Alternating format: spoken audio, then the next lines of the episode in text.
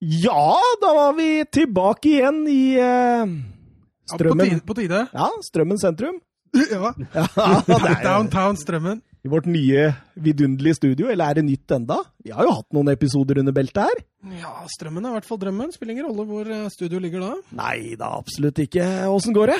Nei, jeg har det fint. Eh, Litt tidligere enn vanlig dette her, så etter en PC-trøbbel Kollaps, ja, rett og slett. så, så tok det litt tid, men nå opp og går igjen. Nå er det oppe og går igjen. Og du Søren, er du oppe og går? Ja, oppe går, og så var det jo kamp hver dag denne uka til og med mandag i Tyskland. Og det er jo Det er deilig. Det blir en bra uke. Ja, det er deilig. Det er deilig.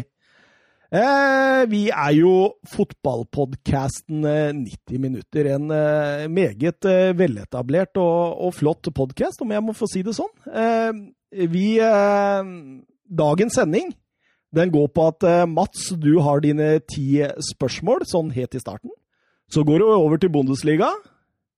Eh, vi skal snakke litt eh, transfer-rykter, for det er jo, selv om det er koronatime, så så er det jo de tider nå hvor det begynner å rasle i lommeboka til Noen har fortsatt veldig god råd, i hvert fall. ja, ja, ja, absolutt. absolutt. Og så avslutter vi med Serie A All-Star-lag fra 2000 til nåværende tid.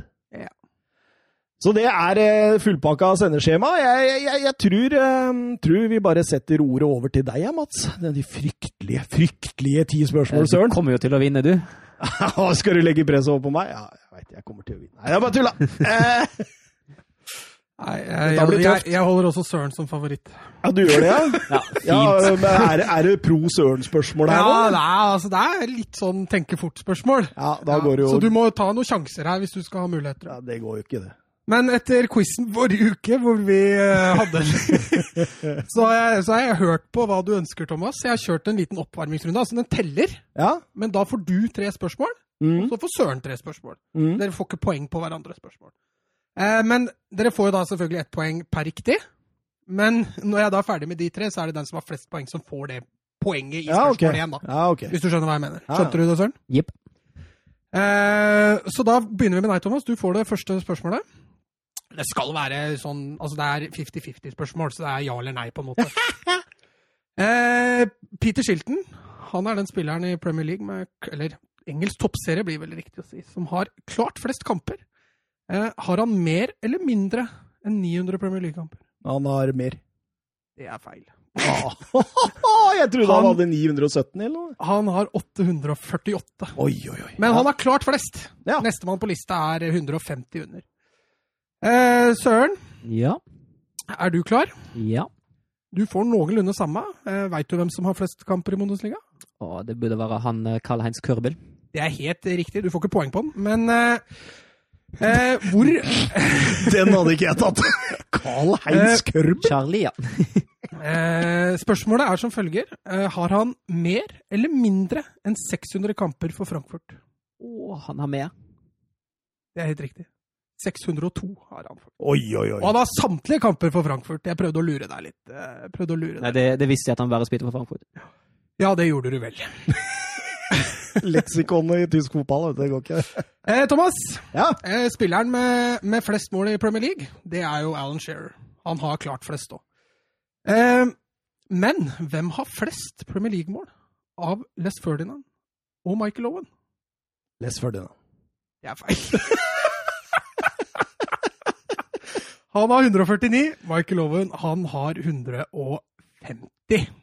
Men det, det var altså ett mål han får ikke så mye lettere, han ved siden av deg nå, skjønner du. Oh. Eh, litt samme type til deg, eh, Søren. Eh, hvem er det som har flest mål av Ulf Kirsten og Stefan Kons? Ulf Kirsten. Det er helt riktig, Søren! Han har to, avgjort, da. Han har to mer mål enn Thomas. Thomas. Ja, men også skal Ja, jeg jeg vite forskjell ja, på ett mål mellom Les Ferdinand og Michael Owen. da. Nei, men da Skal vi sløyfe det siste, da, eller? Nei da, bare kjør Kjør på. moro. Ja, Nå må jeg bare finne det igjen, her, for nå bladde jeg faktisk. Men øh, jo! Eh, Manchester United klart flest serietitler i Premier League. Eh, men hvem er det som har flest serietitler av Manchester City og Aston Villa? Eh, det må være Aston Villa. Det er helt riktig, Tom. Oi, oi, oi. Litt samme til deg, Søren. Eh, Bayern er jo rimelig overlegne i, i Bundesliga. Men eh, hvem er det som har flest serietitler av Verde Bremen og Stuttgart? Stuttgart. Feil. Nei, jeg fikk litt av æren. Ja, du gjorde det, du gjorde det. Da ble det 2-1. Så da, Søren, da får du det første spørsmålet der i oppvarmingsrunden. Så da leder du 1-0. Så da går vi i gang med den ti quiz-spørsmålrunden. Og vi starter med en Hvem er jeg? i sånn historiefortelling-type av Thomas Ja, ja. Ånd. Den var fin, da. Ja, fin den. Ja. Eh, I løpet av karrieren så har han vunnet eh, to Champions League-titler og tre Premier League-titler. Eh, han er født i Setubal. Og etter et par anonyme sesonger i Barcelona og Benfica slo han virkelig gjennom i debutsesongen sin i Porto. Der, og i løpet av de to sesongene han var i Porto, så blei det både Champions League-tittel, Uefa Cup-tittel, portugisisk cup og to serietitler. Thomas. Ja. Carvalho. Det er feil. Chelsea var såpass imponert at de hentet han til sitt voksne Abramovic-prosjekt Carvalho! i 2004. Og etter to Premier League-gull og ett ligacup-gull gikk turen videre til Inter. Hvor han ledet laget gjennom treble-sesongen i 2010. Og siden den gang har han trent lag som Real Madrid, Chelsea, Manchester United, og han trener nå Tottenham. Lurespørsmål, du. Det var litt lurespørsmål. Skal du svare, eller? Ja, det skal jeg, men nå står det faktisk helt stille. Det er skikkelig stille. Mourinho hadde selvfølgelig. Gud, altså. Jeg begynte å lure at du ikke tok den før. Det er, jeg hadde skikkelig jernete på det. Jeg, Hvis ikke du kunne svart på det der han er nå, alle våre lyttere Ja, jeg vet det, jeg vet det, hadde jeg vært vet det. slått av. jeg vet det. Jeg vet det. Greit. Og så da spørsmål nummer tre. Hvilken av følgende klubber jeg nå leser opp, har aldri vunnet Champions League? Og da snakker vi Champions League fra 92. Eh, Marseille, AC Milan, Ajax, Valencia Søren. Valencia. Det er helt riktig. Det. Selvfølgelig var det det.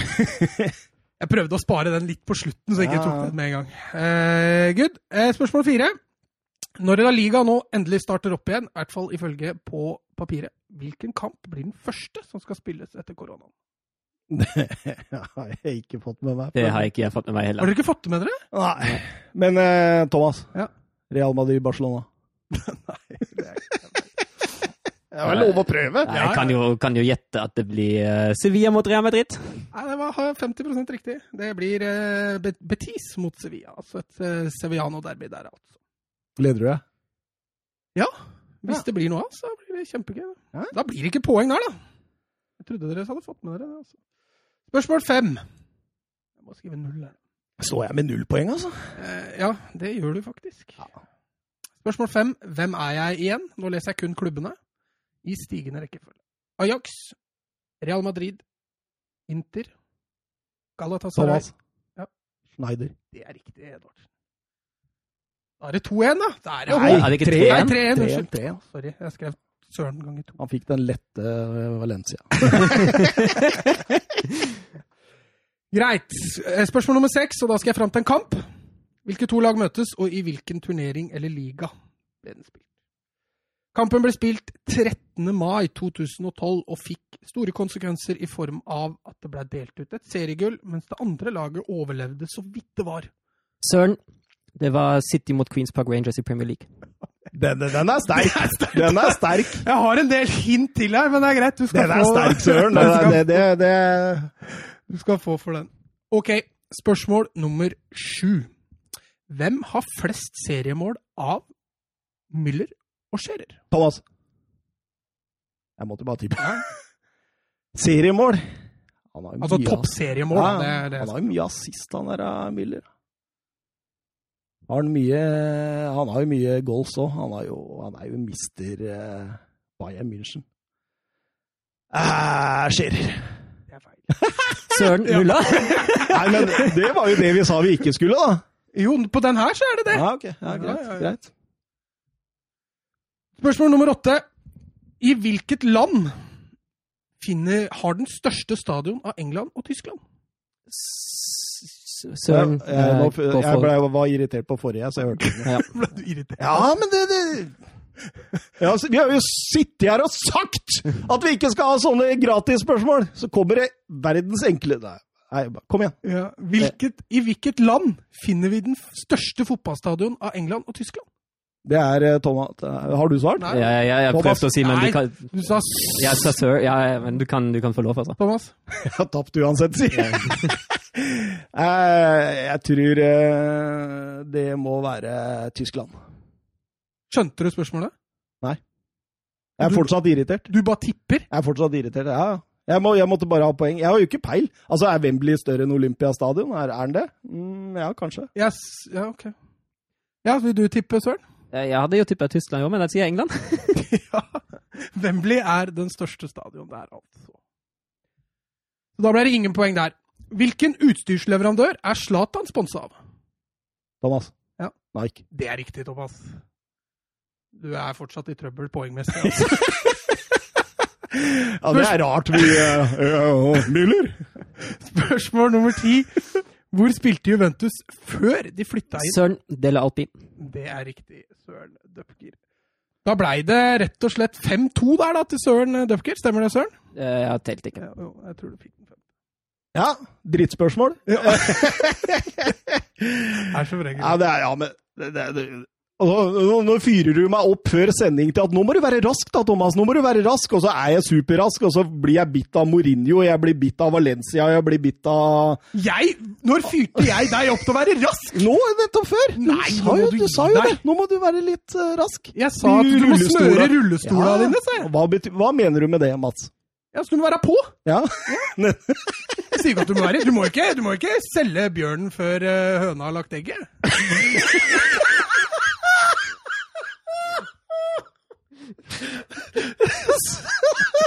Og med det så setter vi over til introen!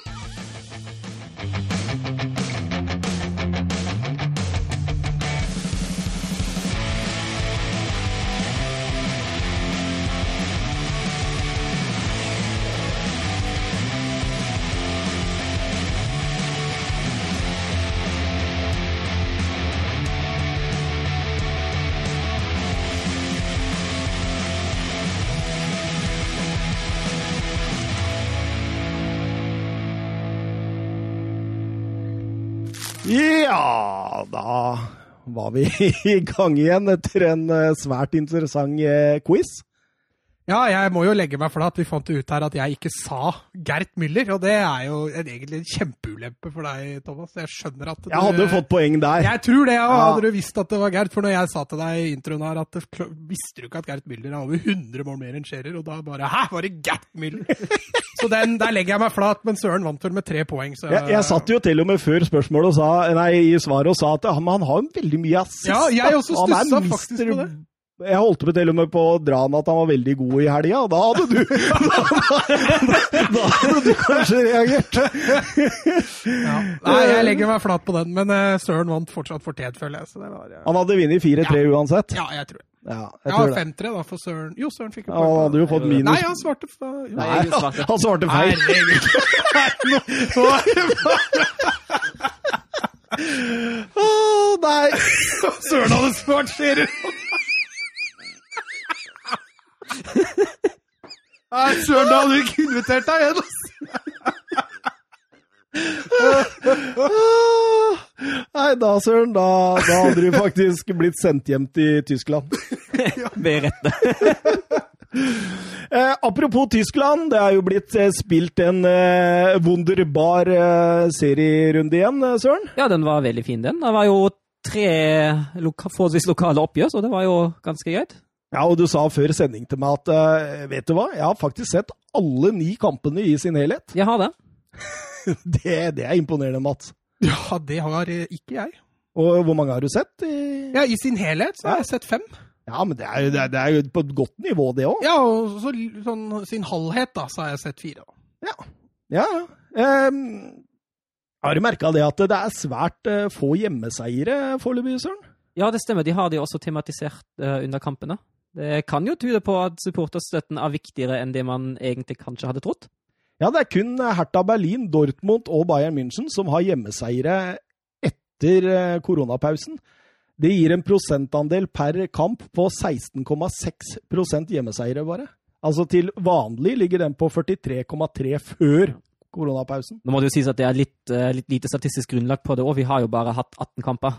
Så vi får jo se hvordan det utvikler seg resten av runden, men det er jo spennende å følge litt med på den utviklinga. Men var jo innom det litt sist òg.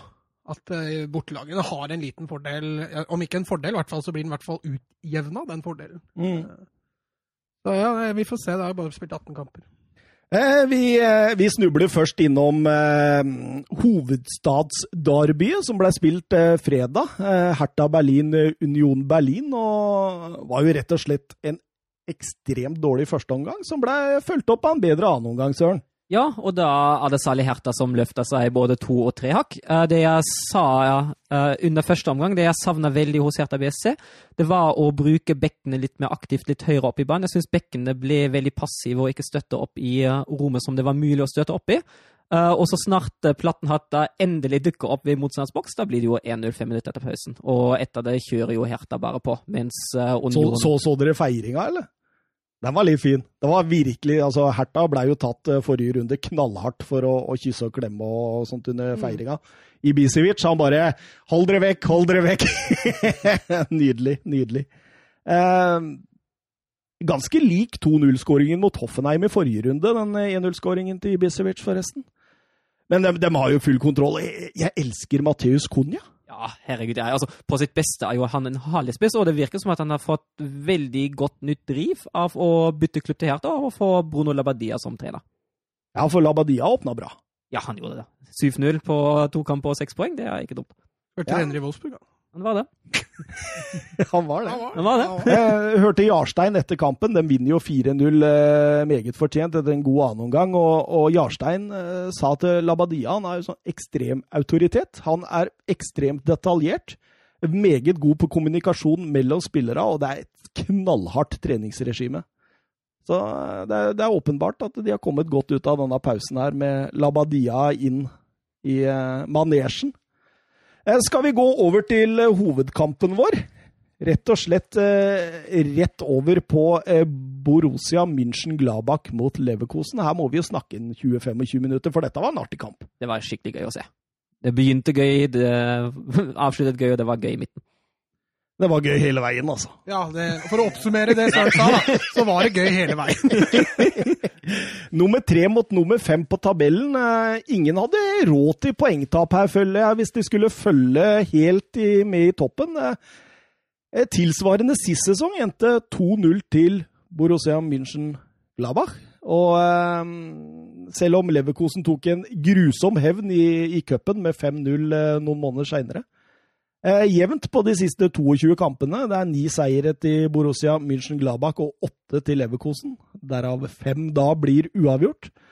Eh, og så kan vi også nevne at eh, Borussia München-Gladbach vant eh, 2-1 på Bay Arena inneværende sesong da Markus Tyram ble matchvinner. Var ikke det den kampen Leon Bailey ble utvist til på slutten? Ja, jeg tror det. Han, en, av, en, av, de to han ble, fikk direkte ja, rett i løpet av festen. Der. Fordi de kom ganske raskt. De ja, de, han, han, fikk vel spille en eller to kamper før han ble utvist igjen. eh, Borussia München, Gladbach og Marco Rose ut i en 4-2-3-1 eh, som et utgangspunkt, men varierer jo voldsomt i denne kampen. Da. Jeg var jo innom 4-3-3, var innom eh, 3-5-2. Eh, Leverkosen og Bosch derimot er sin faste 3-4-3 nå, med Havertz som en sånn falsk nier. Eh, Demirbay bak. Demirbay. Strålende i denne kampen, forresten. Skal vi hoppe rett på kampen, eller?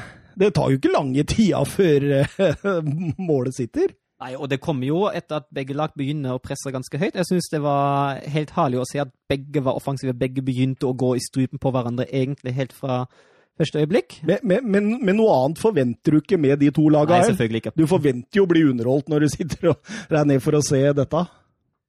Men så blir det jo 1-0 etter seks minutter. Da er det Demi Bay som snapper opp en feilpasning og spiller ballen ut til uh, Berel Arabi. Han slår da en fin gjennombrudd til Havertz, og han setter bein mellom beina til Sommer. Men den avslutningsteknikken han bruker der, det, det, er klasse. En sånn kjapp, liten skuddfinte. Keeper går ned, og så da rolig Eller rolig mellom beina, jeg vet ikke om vi skal si Han timer bevegelsen til sommer. Ja, ja, han gjør det. Ja. Altså, det, er, det er bra timing, og det er, det er glitrende utført avslutning av Havertz. Og det, Havertz er fortsatt bare 20, Ja, han blir... og det er en avslutning verdt en 30-åring, egentlig. En som har ti år mer rutine enn det der. Men jeg tror han kunne gått rett inn på Barca som en falsk nier. Havertz, altså. Ja. Ja, du skal, Han har teknikken til det skal danke ut Messi?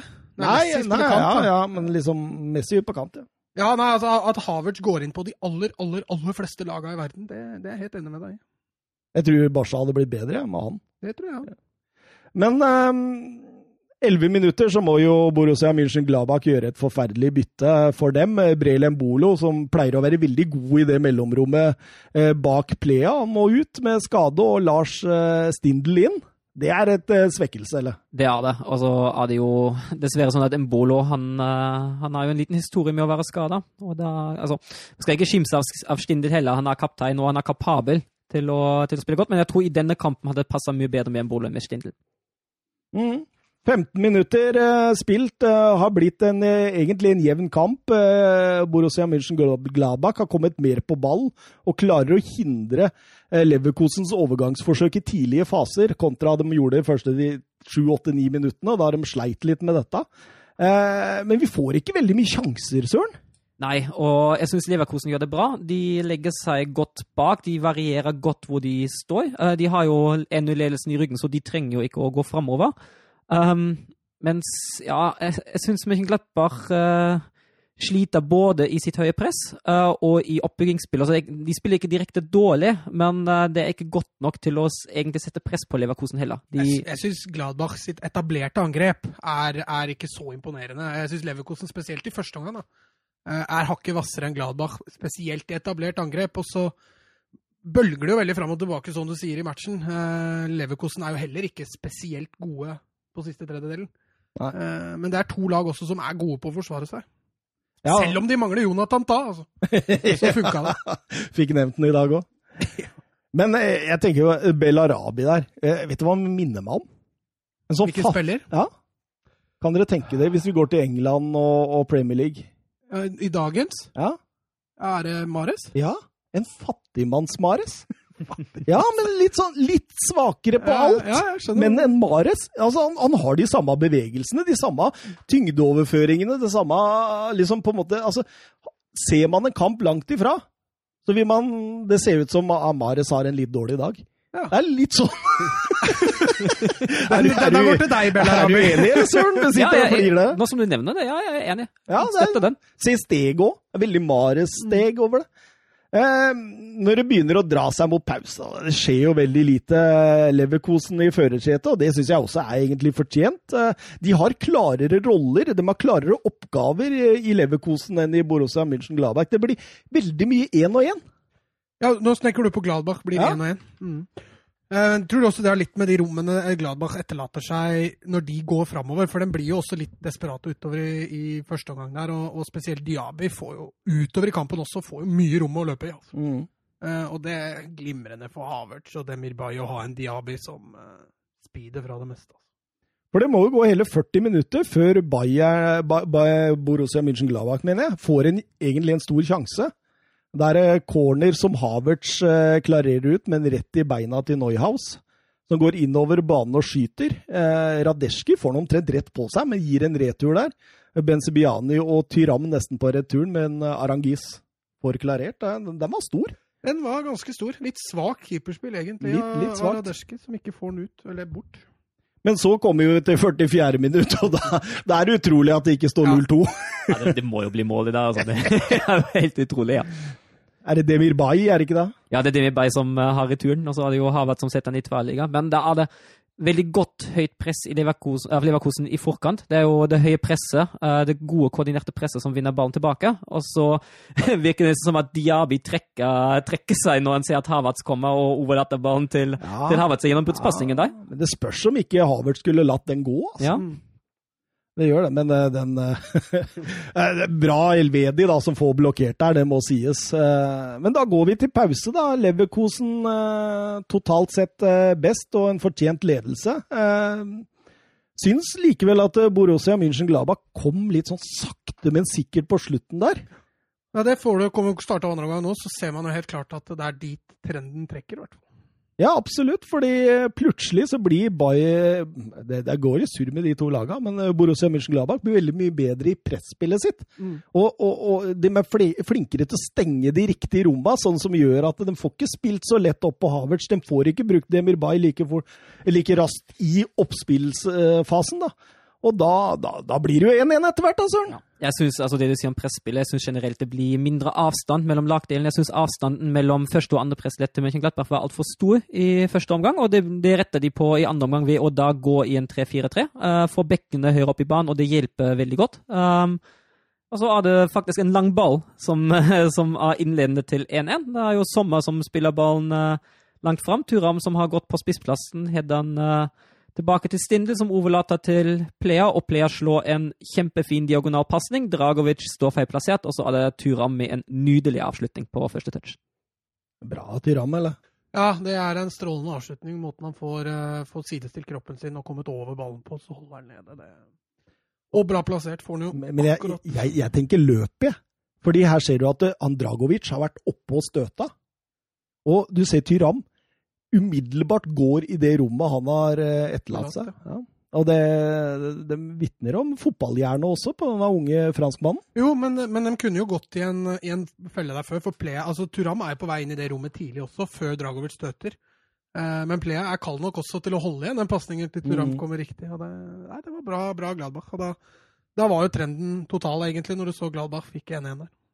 Ja, og det er bare minutter seinere så har jo Tyram en ny sjanse, Mats, eh, når Havertz taper ballen. Mm. Eh, Benzebaini får slått i bakrom, og én mot én mot Dragovic er jo Tyram mye sterkere. Blir hardt pressa av Dragovic, eh, så setter han rett på Radetsjki. Eh, ville ha straffe der. Nei, jeg syns ikke det. Han blir forstyrra, det er jeg helt enig i. Eh, Men nei, jeg syns ikke det skal være nok til Er du enig med Mats, Ja, jeg er veldig enig med Mats vel ikke til VAR engang, så Nei, det er jo greit, det, men jeg, jeg forstår jo på en Ja, måte ja, jeg forstår reaksjonen hans. Ja. Og så og så vil jeg jo da forstå eh, Borussia München-Gladbach etterpå. Når det ett minutt etterpå blir tildelt straffespark til Bayer Leverkosen, da tror jeg der og da at du føler deg litt eh, Snytt. snytt. Ja. Lurt. Eh, for hva syns vi om straffesparket Bayer Leverkosen får rett etterpå? Jeg syns det er greit. Det er, han eh, Elvedi river jo ned Bellarabi. Riktignok har Bellarabi avslutta, men så lenge ballen fortsatt er i spill, er det, er det lov å dømme straffe. Altså Det jeg tror Thomas tenker på, er at Bellarabi er på vei inn i taklinga til Elvedi. Ja, sånn, ja. ja. Eh, som gjør at du kan stille litt spørsmål. Og så, har han liksom avslutta og hele pakka, liksom. Det er, sånn, det, er, det er ikke alle dommere som hadde tatt den, selv om jeg ser at han For den går jo til VAR! Søren Storks, var det det han het? Jeg har sett Søren Storks, ja. Søren Storks, når han, eh, han går jo ut og sjekker og sånt, og, og, men jeg tror Altså, det har vi snakka om før. Jeg tror det skal mye til, altså, når du har blåst uh, straffespark. Og så har jo når- sagt ifra at det er, må, du må se på den igjen. Jo, jo, men når dommeren får den beskjeden, så har vi jo sett at de gjør om. Ja. Ja, ja, men ikke, jeg, jeg tror det skal mye til, da. Altså, jeg tror Hvis han er litt usikker der sjøl, han Søren Stork, så lar han det stå. Men han har jo, han har jo de andre dommerne på øret, så de må jo diskutere. Altså, det jo, altså, det til slutt kommer det jo ned til spørsmålet er det en åpenbar feil å blåse straffe her. Eh, og jeg, men, jeg mener ikke at det er det. Jeg mener at det er forsvarlig å blåse straffe der, og der syns jeg også det er helt greit at den står, selv om han ser på det igjen. Men, men tenker du ikke at, eh, at Elvedi mer prøver å blokkere den? Jo, men eh, utfallet blir jo at han river ned. Altså, Ja, han men, men også går han mer i, i, i Elvedi? Jeg, jeg syns ikke den er så soleklar, og derfor forstår jeg Marco Rosa. Han er jo fly forbanna og blir, blir bedt om å roe seg ned òg. Fordi etter den Altså, Dragovic han, Jeg er helt enig. Det hadde vært billig om Tyram hadde fått eh, straffespark minuttet før. Men minuttet etter en sånn, da, så kommer det en andre veien som også går an å diskutere. Altså, Med en gang VAR går inn, så skjønner du at det blir, da er det jo en diskusjon rundt det. Det er jo noen som har fortalt Søren Storks at det, At det, at jeg peker på Søren. Det, men det, det er jo noen som har fortalt han i den der bussen Hvor, hvor sitter Køln. bussen? Køln. Ja, at eh, denne må du se på igjen. Ellers hadde de jo sagt den er helt klink. Mm. Så, så et eller annet her er jo å diskutere, ikke sant? Og da skjønner jeg Råse. Ja, jeg, jeg skjønner den, jeg òg. Altså, det, det føles jo ekstremt bittert med tanke på at egentlig hele kampen eh, altså, du, du har utligna, du er i en periode der du egentlig holder på å ta overtak over hele kampen. Og så er det to avgjørende situasjoner i to minutter, og begge to går mot din vei. Jeg forstår Rose fullt og helt, men uh, jeg syns også det er forsvarlig hvordan uh, Storks har, har bestemt seg til slutt. Men Ja, hadde det vært forsvarlig å gitt straffe til Leverkosen? Nei, Gladbach. Da hadde jeg slitt litt mer, kanskje. Hvis det hadde vært omvendt. Ja, um, enten, enten så får ingen straffe, eller så får bare Leverkosen straffe. Jeg syns Glattberg straffe det, Jeg syns det hadde vært veldig Ja, billig. men jeg, det, det er nettopp der du er inne på. Jeg syns det nesten hadde vært mest fortjent om da han bare hadde latt begge gå.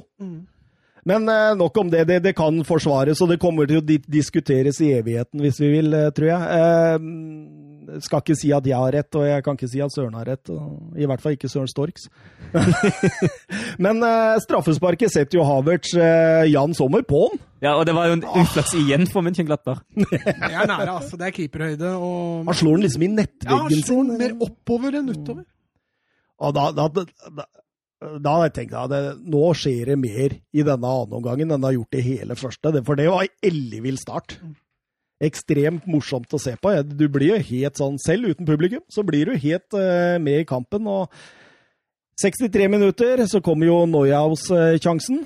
Uh, ball som lempes inn bak Leverkosen-forsvaret, og Tyram tar ned, hælflikker Neuhaus. Nydelig. Uh, får en litt dårlig touch der, og kommer Altså, Radeski han er flink, for han går fort oppi når han ser det dårlige touchet, uh, og redder da greit. Og da er vi i en fase hvor Bayer, Bayer Leverkosen har mindre ball. Mm. Og, og egentlig er litt sånn småstressa, egentlig. Men jeg må si Havertz imponerer jo strålende. Den roen han har. Det er fantastisk. Og så er han bevegelig. Altså, det er, det er ikke noen sånn luksusspiller som ligger i mellomrom og hele tiden skal ha kula i fot. Mm. Ja, han tar initiativ i bakrom, han løper diagonalt ut mot sida. Han, han møter, han er med og presser. Altså, det, er ikke noe, det er ikke noe luksus med det i det hele tatt. Altså. Eller så ser du litt sånn uten sammenligning enda, men eh, kanskje om noen år. Han har litt den Andrea Pirlo-roen med ballen sin, som jeg, jeg liker veldig godt med han. Pirlo også starta karrieren off mitt. Ja, han gjorde det. Ja, gjorde ja, stemmer det. I Brescia der når han kom tilbake med Roberto Baggio og hele pakka. Mm. Stemmer det, stemmer det. En eh, god attributt, det, til eh, Men eh, i og med at eh, Borussia München-Gladbach eh, eh, ofrer jo mer og mer. De, de bytter jo til to bak, de bytter jo til tre bak, de flytter opp kantene. De, de, de gjør veldig mye. Eh, så blir jo Leverkosen også farlig på disse overgangene sine. da. Og etter 75 minutter, Søren, det er en dobbeltsjanse. Ja, Da er det Diaby som ligger godt i mellomrommet, og han kjører et eh, fint driblereid. Og så er det Sommer som redder avslutningen hans, og så kommer det jo returen til Demibay. og Demibay han gjør mye bra i den kampen. Avslutninga er ikke en del av det. Ja, to fæle bom i den matchen her. Altså. Det skulle, han skulle vært tomålsskårer. Skal sies nå da at uh, Belarabi er bytta ut med Leon Bailey i, i denne fasen, for å få altså mer kontringer. For, fornuftig bytte i forhold til Mm. kontringer. Får inn en tempospiller, eh, en rett fram-spiller, eh, så er nok det et veldig fornuftig bytte. Og i denne fasen her, Søren, så blir det jo litt bytter. Både Tyram og, og Strobel går jo ut, Benes og Oskar Wendt inn, mens Dragovic går ut og Baumgartlinger inn. Eh, denne Baumgartlinger, det det er type. Han fikk jo mye skryt av oss i starten. Ja, ja. Eh, sa jo det at når han spiller bra, spiller Leverkosten bra. Ja, liksom den rivjernet. Ja. Absolutt. Så det, også det var et fornuftig bytte av, eh, av Peter Bosch. Syns det, syns det. Og så kom jo målet, Mats. Sven Bender. Ja, han har- mange kamper hadde han gått uten skåring nå. Det var en del kamper, skjønte jeg. Ja, jeg har ikke lest noe om det. nei, eller, 70 et eller annet, tror jeg. Ja. Leksikonet, det er bare å spørre. burde du heller se på deg, selvfølgelig. Eh, Søren Storks. Søren Storks. Etter en dødball og, og header inn. Demir Bay slår nydelig den corneren. Gjøre opp litt. Gjøre opp bitte litt for å bomme nesten på åpent mål. I duell med Elvedi der, så skuldrer Han treffer ikke hodet, han skuldrer den, gjør han det? Ja, han gjør det. Eh, Nydelig, nydelig. Eh, og så mot slutten av kampen da, så har jo Plea sine sjanser til å, å gjøre det litt spennende igjen. Ja, han burde jo det. Han bommer på Vents innlegg, og, han, eh, og Radetski er jo sterk og redder et minutt seinere. Men jeg syns absolutt at Plea også godt kunne, eller kanskje til og med burde ha skåra i hvert fall ett mål. Og der tenkte jeg nå, har Leverkosen-forsvaret tatt helt ferie, eller? Men dette er litt flyten, fordi nå har vi sittet og skrytt i og vært veldig positive til Leverkosen, spesielt etter 2020. Eh, Peter Bosch har virkelig fått sving på det. og du vinner sånne kamper nå, altså, når du er i det drivet du har. Eh, Så et Leverkosten med en spiss som gjør at Havertz kan spille mer sin naturlige rolle nå, det tror jeg kan bli eh, krutt. Og det mangla også Palacios. I tipset vi satt før sesongen, så hadde vi dem på tredje. Står vi inne for det enda, eller? Leverkosten, altså. Å, da må vi forbi Leipzig og Dort. Åh, Ja, det, altså, det blir det blir fjerde. det blir, dødt, dødt, altså det blir vanskelig mellom eh, Leipzig og Leverkosen. Jeg tror jeg, tror jeg er enig med Mats da, at Leverkosen knapt havner bak Leipzig. Altså, Med tanke på det vi nå skal prate om Leipzig etterpå, uh, hvis det er standard for Leipzig resten av sesongen, så blir det fort andreplass på Leipzig. Og så har vi, jeg tror ikke Leipzig har så mange store lag igjen å spille mot heller. Nei. Jeg er usikker på Leverkosens resterende kamper, men uh...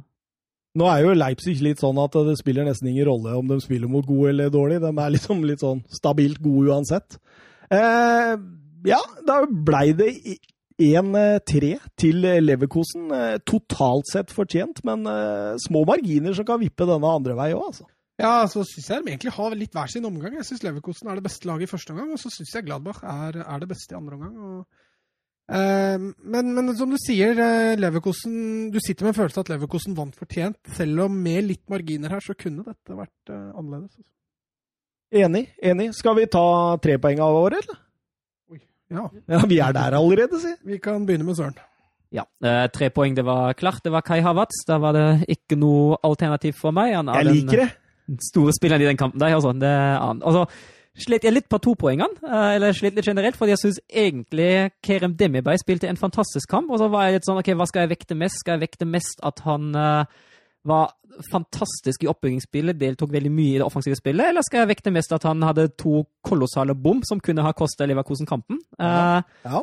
det ble en liten blanding, så jeg bestemte meg for to poeng og velge Markus Thuram, som jeg mener er Glattbars beste spiller, eh, som har hatt en god kamp der, og jeg ga ett poeng til Kerem Demirbay. Ja, jeg har motsatt, da. Jeg har Demirbay på to og Turam på én. Ja, samme som Søren Storks. Helt samme. Det det det er merkelig, altså. Vi, vi snakker ikke sammen om disse trepoengerne, men vi er, altså, det, er, det er sjelden vi er oppe i mer enn fire spillere. Det har skjedd, men det er ytterst sjelden Ja. altså, at eh, vi Og veldig ofte så er det noen som har omtrent så å si samme lista. Nå så treffer vi Men du kommer jo alltid sist, vet du. Du kan bare si ja, enig. Ja, men jeg, du kan jo se her, da. Jeg har skriveremne. Ja, der står Elvedi på en stjerne. Jeg visste du surra Storks, Storks. Bare sånn at du har kontroll. Du blir Storks, du, fra nå av. Altså. Ja, det er greit, det. Ja, ja. Torstein Storks. Kall meg hva du vil. Eh, Wolfsburg, Søren. Ja, Dortmund. Det må vi. Nei, um, altså jeg syns Wolfsburg gjør det bra i en halvtime. Uh, klar, er bra i Ja, det er enig i. Halvtime. ja, uh, gjør, altså, det jeg syns- uh, Glasner gjør bra i den kampen, han, uh, han treffer godt på inngangen. Han er flink til å være i presshøyden. Uh, når det er mulighet til det, presser han høyt. og prøver å, å skape det høye presspillet og kort vei mot mål. Det, det lykkes jo han ikke alltid helt med, fordi man vinner ikke alle baller, eller man ikke ofte baller høyt, og man mangler litt tempo på topp. Um, og så er han også flink til å ligge stabilt foran 16-meteren når Dortmund er i stand til å bygge opp. Og jeg syns det fungerer veldig greit, så lenge det står 0-0. Uh, men så har man jo uh, problemet at etter en halvtime, da står det ikke 0-0 lenger. Da er det jo Er det 32 trekk? Ja, 32 det er trekk? helt sykt. Og ja. Se, ser du hvordan de, og hvordan de liksom på en måte bare bearbeider fra side til side? De er jo fire ganger ned langs høyrekanten før den der, kommer den siste eksplosive delen. Det er genialt, det overhoppet til Haaland her. Altså. Ja, ja. Overhoppet. Er overhoppet til Haaland. Det er genialt, altså, for han setter ut hele Wolfsburg-forsvaret der. ja det, det, Jeg, jeg må si jeg lo når Altså, han lever seg så inn i det overhoppet at det ser ut som han bommer på ballen. vil jo si at eh, det som satt ut Wolfsburg-forsvaret, var jo godeste Jay Brooks, som plutselig dukker opp på venstre ving og absolutt må satse alt mot eh, Julian Brandt. Og da vil etterlater seg store rom som Dortmund er altfor gode til å utnytte, og da blir det 0-1. Guerrero da, Ja. er jo mål, målform. ja, tredje mål på to kamper, som wingback. Det er ikke, det er ikke dårlig. Men uh, eh, da er det jo Han utnytter jo også rommet, men Babo trekker jo inn der Pongracic egentlig allerede står på Haaland, og så prøver de å doble Haaland av en eller annen grunn, og der står Guerrero Det er en måte å kritisere en Babo Ja. på. Ja. Nei, altså, herregud, Babo er en helt grei kamp. Eh, annen omgang da, så starter jo Wolfsburg egentlig ganske bra. Ja, og så må jo eh, Renato Steffen utligne deg. Han Ja. blir spilt gjennom Avejost, og så istedenfor å legge den plassert i lengste, banke han til og sette han i Han blir tverrliggende ut. stressa, tror jeg, for han kommer så nære Jeg keeperen. tror også det. Men Ja, eh, bra trøkk i slegga òg, så Ja. frisparket rett etterpå der. Burki har ikke kontroll. nei, jeg syns han, eh, han ser positiv ut, han Steffen. Ja, absolutt. Men eh, 2-0, det kommer jo. Den kommer, og det, Wolfsburg begynner å satse litt mer, og da får innbytteren Sancho kjøre overgang og spille ut til Hakimi, som setter han fra noe skrått hold plassert i lengste. Det er deilig for et lag som Dortmund å se laget du spiller mot, må begynne å kjøre offensivt, og så snur du deg, og så sitter Sancho der, liksom. Hæ? det, er, det er feige lag. Ja, det er dårlig gjort, altså. Ba, for Wolfsburg. Og så setter du inn Sancho, liksom. Men jeg tenker på det der backparet til eh, Dortmund òg. Altså, eh, det, er jo Bundesligas svar på Trent Alexander Arnold og Robertson. De kommer jo hele tida, og de kommer riktig. Men de er litt andre typer, bare. Ja, ja, ja. Men, men offensive som F, altså. Det er jeg helt enig med deg. i. Eh, Rødt kort eh, til Felix. Eh, Klaus, skal vi si noe om det? Litt strengt? Jeg syns det er strengt. Jeg syns han hadde holdt med gull. Altså, han, han ser ikke helt hva han gjør. Jeg synes altså, Han er ute av balanse. Han ser bare på ballen. Han setter foten sin ned, og ja, Akanshis beina det, men Akanshi setter også bein. Jeg syns det hadde holdt med gull. Men jeg hadde blitt mye mer misfornøyd hvis det hadde vært f.eks. Slaga eller Virkost. Og, og ikke få sett Klaus de neste to kampene, det er faktisk helt greit. Men, men vi var jo alle enige om at Aubameyang fortjente rødt kort. På taklinga på Max Maier. Ja ja, for all del. Ja, det var ikke med vilje, det. Nei. Men, eh, Det er det men, men, men han er ikke så stygg. Nei, altså, konsekvensene er jo ikke så stygge. Ja. Men det er jo på Jeg, jeg tror han fikk rødt kort fordi han ser ut som en partysvenske. Han fikk en på utseendet Ja. Han faktisk. Men ser du når han står der og skjønner ingenting? Han ser ut som en svenske som har gått eh, 15. meteren i baren og ikke kommet hjem med noen fruntimmer. Men han, altså, på en fotballbane ser det jo alltid ut som at han ikke skjønner noe, da. Men det er litt mørkt, er det dere sier? Men eh, Haaland mm, Vi var, var jo inne på før sending, faktisk, når vi satt og prata her litt, at det var ikke hans beste kamp. Men, men, men ett poeng. Hvis du ser Haaland på begge skåringene, så trekker han på seg så mye oppmerksomhet. Han, eh, altså, jeg er ganske sikker på at begge de to måla der eh, kunne fort ha ikke vært mål om Haaland ikke var Haaland, hvis dere skjønner hva jeg mener. mm. Ja, Han får jo mye oppmerksomhet i løpet av matchene, og så er han en veldig veldig viktig spiller i overgangsfasen for Dortmund, for det er en spiller du veit setter fart. Altså, når, Mm. når Dortmund vinner ball, da er det nesa mot mål med en gang. Og det er klart for et Dortmund-lag med så mye tempo og så eh, overgangsrelat overgangsrelatert lag, da, det, det er klart det er viktig. En snabbtur, Søren, innom Paderborn eh, Hoffenheim. Ja, to, to kjappe mål. Uh, Eh, gedigen forsvarstabbe på Paderborns utligning og Hale utnytta av uh, Srebeni. Og så syns jeg Så du det målet, Ja, eller? det var nydelig. Hvordan Serbeni bare legger den i hjørnet fra langt hold Mm. der. Altså, Han kunne egentlig satt fart mot keeper, men han bare finner ut at vi legger den i litt sånn. Han bomma der? Men, han, men, men, men denne karen han kom jo fra Norwich han i, i januarvinduet. Fikk det egentlig ikke til i Norwich i det hele tatt, eh, men har eh, fem mål på ti kamper nå for, eh, for Paderborn. Ja, og det er sterkt. Altså, For et lag som Paderborn å skåre fem mål på ti, det er, det er godt jobba. Det står det respekt av. Ja, for de rykker ned. Det er De rykker ned. De rykker ned. Um, så kan det jo, kan det bare sies generelt uh, Hoffenheim var klart best. Jeg syns særlig Kadejabek på høyre så veldig bra ut, og Paderborn fikk egentlig aldri helt kontroll på ham. Det var dårlige avslutninger som hindret at Hoffenheim ikke gikk seirende ut der. Uh, og så satt uh, Klaus Jasola, kaptein til Paderborn, satt en ny Bundesliga-rekord. Første spilleren som kun brukte 27 kamper på å få 14, eller 27 runder for å få 14 Ja, med hjelmen, det. Ja, med hjelmen. Lett å kjenne. Han er fin, han er fin. Vi rusler videre til eh, Freiburg mot eh, Werder Bremen, og endelig satt den i sikringsskapet for godeste Florian Kofelt. Den var viktig for dem. Den var var viktig. Åh, det, ja, den var viktig. Jeg, jeg sendte dem litt ned jeg, forrige Du- Jeg jinxa han såpass bra der. Eh, Ja. Og vi kommer vel også til Düsseldorf etterpå, som sørga for å holde det der spennende. Så Ja, nei, det må jo si at det er en prestasjon da, å gå til Freiburg og hente tre poeng sånn i den situasjonen de er i. Ja, det vil jeg si. Og så er det jo, altså, jeg syns Freiburg er sett under ett det beste laget, men Bremen er ekstremt gode til å holde Freiburg unna egen 16-meter. Det er ikke store sjanser Freiburg får inne fra boksen, egentlig, særlig ikke ut i andre omgang de blir mer offensive. Det er Bremen har lagt seg rundt sin 16-meter og forsvarer den veldig godt. og Det er noen, noen langskudd og nesten et mål som blir annullert for offside etter et innlegg. Men i det store og hele kommer de seg ikke helt inn i den virkelig farlige sonen, og det gjør Bremen veldig godt. Hva har skjedd med han der Waldschmidt, da? Nei, han er litt av. Ja, men jeg, jeg så han ikke i oppstillinga eller noen ting. sånn. Nei, han, ja. Uh, Er han skada? Ja, jeg tror det. Ja, han øh, syns jeg var veldig god en periode. Jeg Husker du vi så han i U21-EM eller for Tyskland? Det strålende, de der skudda hans. Ja, vi, jeg solgte den vel inn hos Bayern. jeg, Ja, så du han det. har litt å Men det blir 1-1 der, og når du snakker om Bayern, så kan vi jo hoppe over til dem. De møtte Frankfurt på hjemmebane, og propagandafotball. øh, Trenger man å si noe mer? Ja, altså propagandafotball fra Bayern München og Hintregger, kan vi jo si, da. Eh, Farlig i begge ender. ja, det, det hat trick-skåringa, altså skåring nummer tre for Hintregger der, det, det gjør ikke Messi etter ham engang. Altså. Først herlig den denting, vender kroppen, tar den med hælen, og så prøver han, og så løper han. Det er helt nydelig. Jeg, jeg syns det er veldig fint, fordi da skåra jo Frankfurt et halvt sjølmål på 4-2, og så skåra de et ekte sjølmål på 5-2, så det passer jo egentlig helt greit.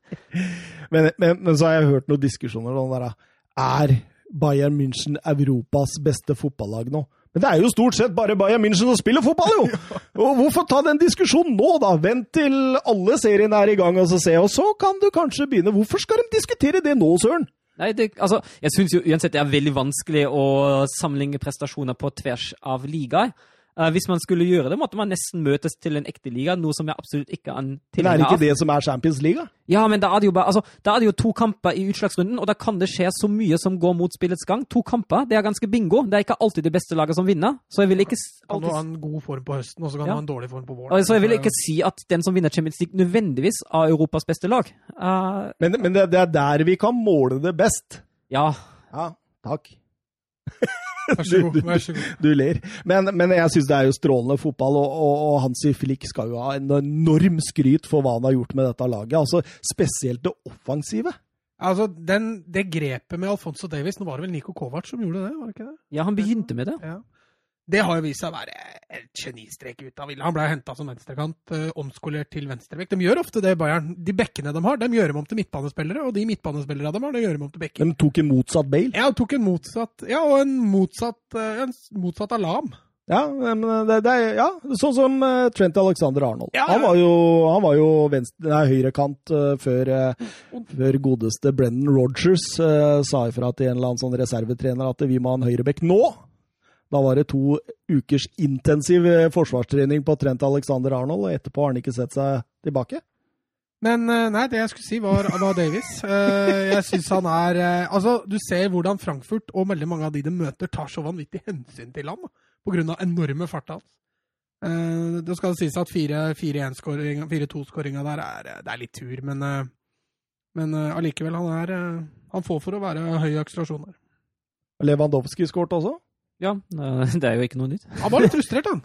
Ja, han, Han fikk ikke ballen så ofte som han håpa på, tror jeg. Nei, og når han fikk, først fikk ballen, da satt han i tverrligaen og alle steder. Så Ja. da Ja, ikke helt en optimal kamp for ham, men endte opp med skåring og suveren seier. Men den i de det er klasse. Det er- det er det er klasse utført, altså. Ja. Synd Ja, at ikke den der går inn, egentlig. Han er strålende. Ingen tvil om det. Men han Hintreger han skapte jo litt sånn kunstig spenning der, da, med to uh, raske etter corner. Han, han har vel skåret Er det åtte mål fra cornere denne sesongen? Ja, det er han jo har det. helt Han, enormt. han er Frankfurts beste målskårer som midtstopper. det er ganske vilt. Ja, han hadde jo et åpent spill der òg, på slutten. Ja, den helt, burde, på, helt på slutten. Ja, den burde jo bli, burde ha blitt straffe, eller? Hvis ikke det hadde blitt mål. Ja, Han kvester den jo Ja, der, han han eh, kanskje- Kevin Trapp. burde kanskje gjort det. Kvester var Gnabry som eh, var det. Men eh, da var jo all spenning ute, og 5-2, og det er, full kontroll. Og Hansi Flick nå som er oppe i eh, 80 mål på 27 kamper. Det har aldri skjedd i Bundesliga før. Altså ny rekord. Hvis han fortsetter skåringssnittet sitt, ender Bayern opp mellom 102 og 103 mål, og det hadde også vært ny rekord. Det er deilig. Var det ikke City som hadde det for litt, noen sesonger siden? Jo, City har passert 100, og Real Madrid gjorde det også under Mourinho, husker jeg. Og den var vel oppe i 120, så Bayern klarte det én gang i Bundesliga i 72. Det er den Men, eh, ene gangen en klubb har klart det i Bundesliga. Men nå spiller vel Bayern bare 34 kamper. Ja. Ja. De har et lite handikap kontra lite England. handicap, ja. Og, Men 120 kamper, det er bra. Nei, 120 mål, det er bra. ja, på 100 og Nei. Vi går videre. Schalke Augsburg. eh, Når vi snakker mye mål først med Bayern, da må vi snakke lite om Schalke nå. Det var litt artig, de vitsene Schalke 03 var å gjøre om eh, klubben der. Det, det var humor. Ja, først det Schalke 03, og etterpå var det Mainz 05. da. Hva er det med disse tallene etter de tyske? Det er Sarpsborg 08, da. Vi har det etter. Det- Ja, ja, men det det- er det er dannelsesåret. Ja, Dannelsesåret Schalke er grunnlagt i 1904. ja, da lærte vi det. Ja. Nei, Altså, Det, det hadde du tenkt deg. altså er det jo Men du sa Schalke aldri har rykka ned? Nei, Schalke Og har rykka ned. 1904. ja. De har blitt grunnlagt i 1904. Nå må jeg gå og legge meg snart.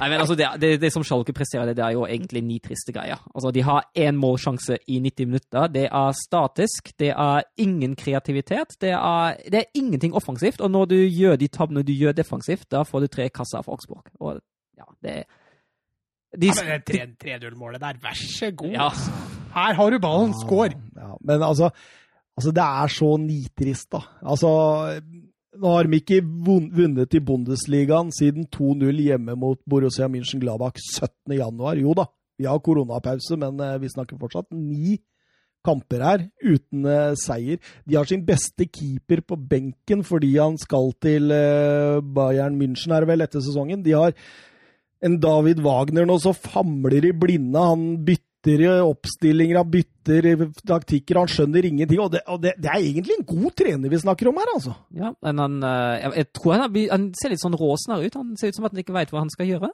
Altså, Ja, ja. Og så neste problem nå. Suat Serda er ute resten av sesongen. Blir det kjent i dag. Eh, han er jo en av de aller viktigste, kanskje den aller viktigste spilleren Schalke har. Men hvorfor satt uh, Kabak på benken, da? Vet du det? Eh, Han kom vel også fra en skade, okay. mener jeg å huske.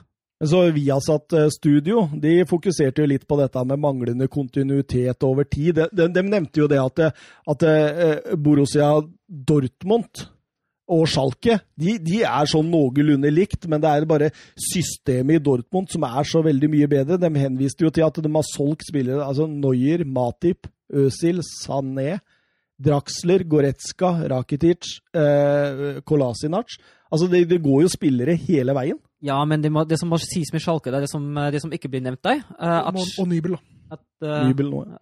at Schalke har, har endra strategi noe voldsomt uh, etter forrige sesong. For de hadde Christian Heidel som manager, og han var en sånn person han ville ha kontroll på alt. Så det var egentlig veldig personavhengig av hans person, hvordan denne klubben skulle bli styrt. Uh, og etter at han ble ferdig, da har de bestemt seg for å endre på det.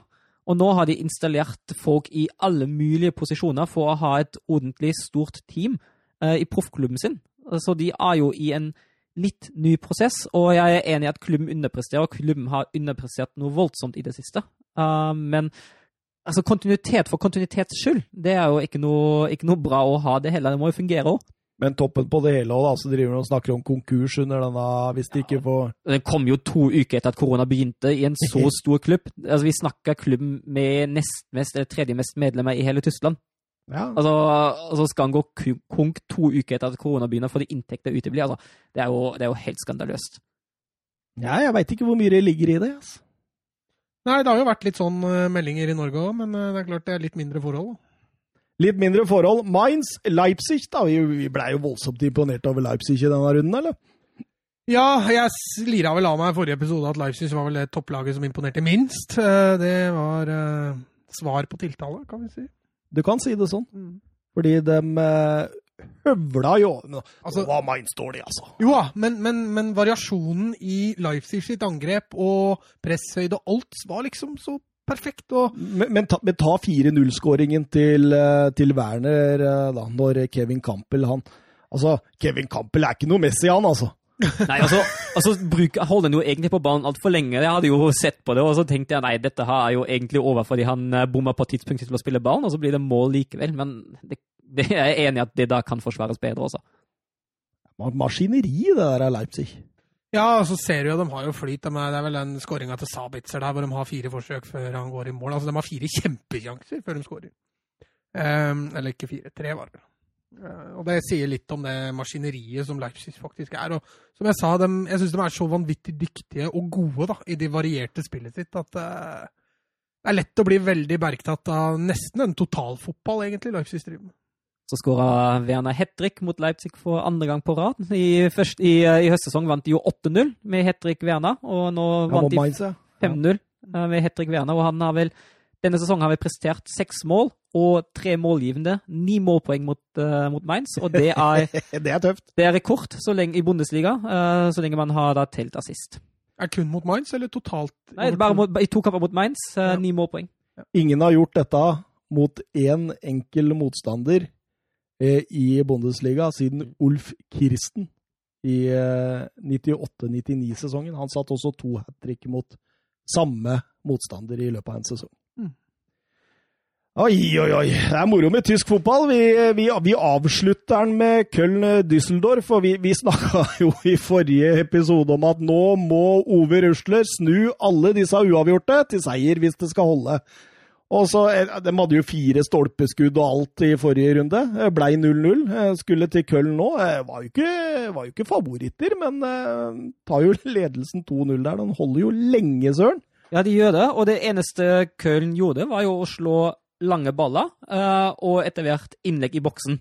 Altså har Düsseldorf egentlig full kontroll, for det er ikke noe farlig, i hvert fall ikke etter den straffebommen um, som kommer etter en time, og Düsseldorf setter jo 2-0 rett etterpå.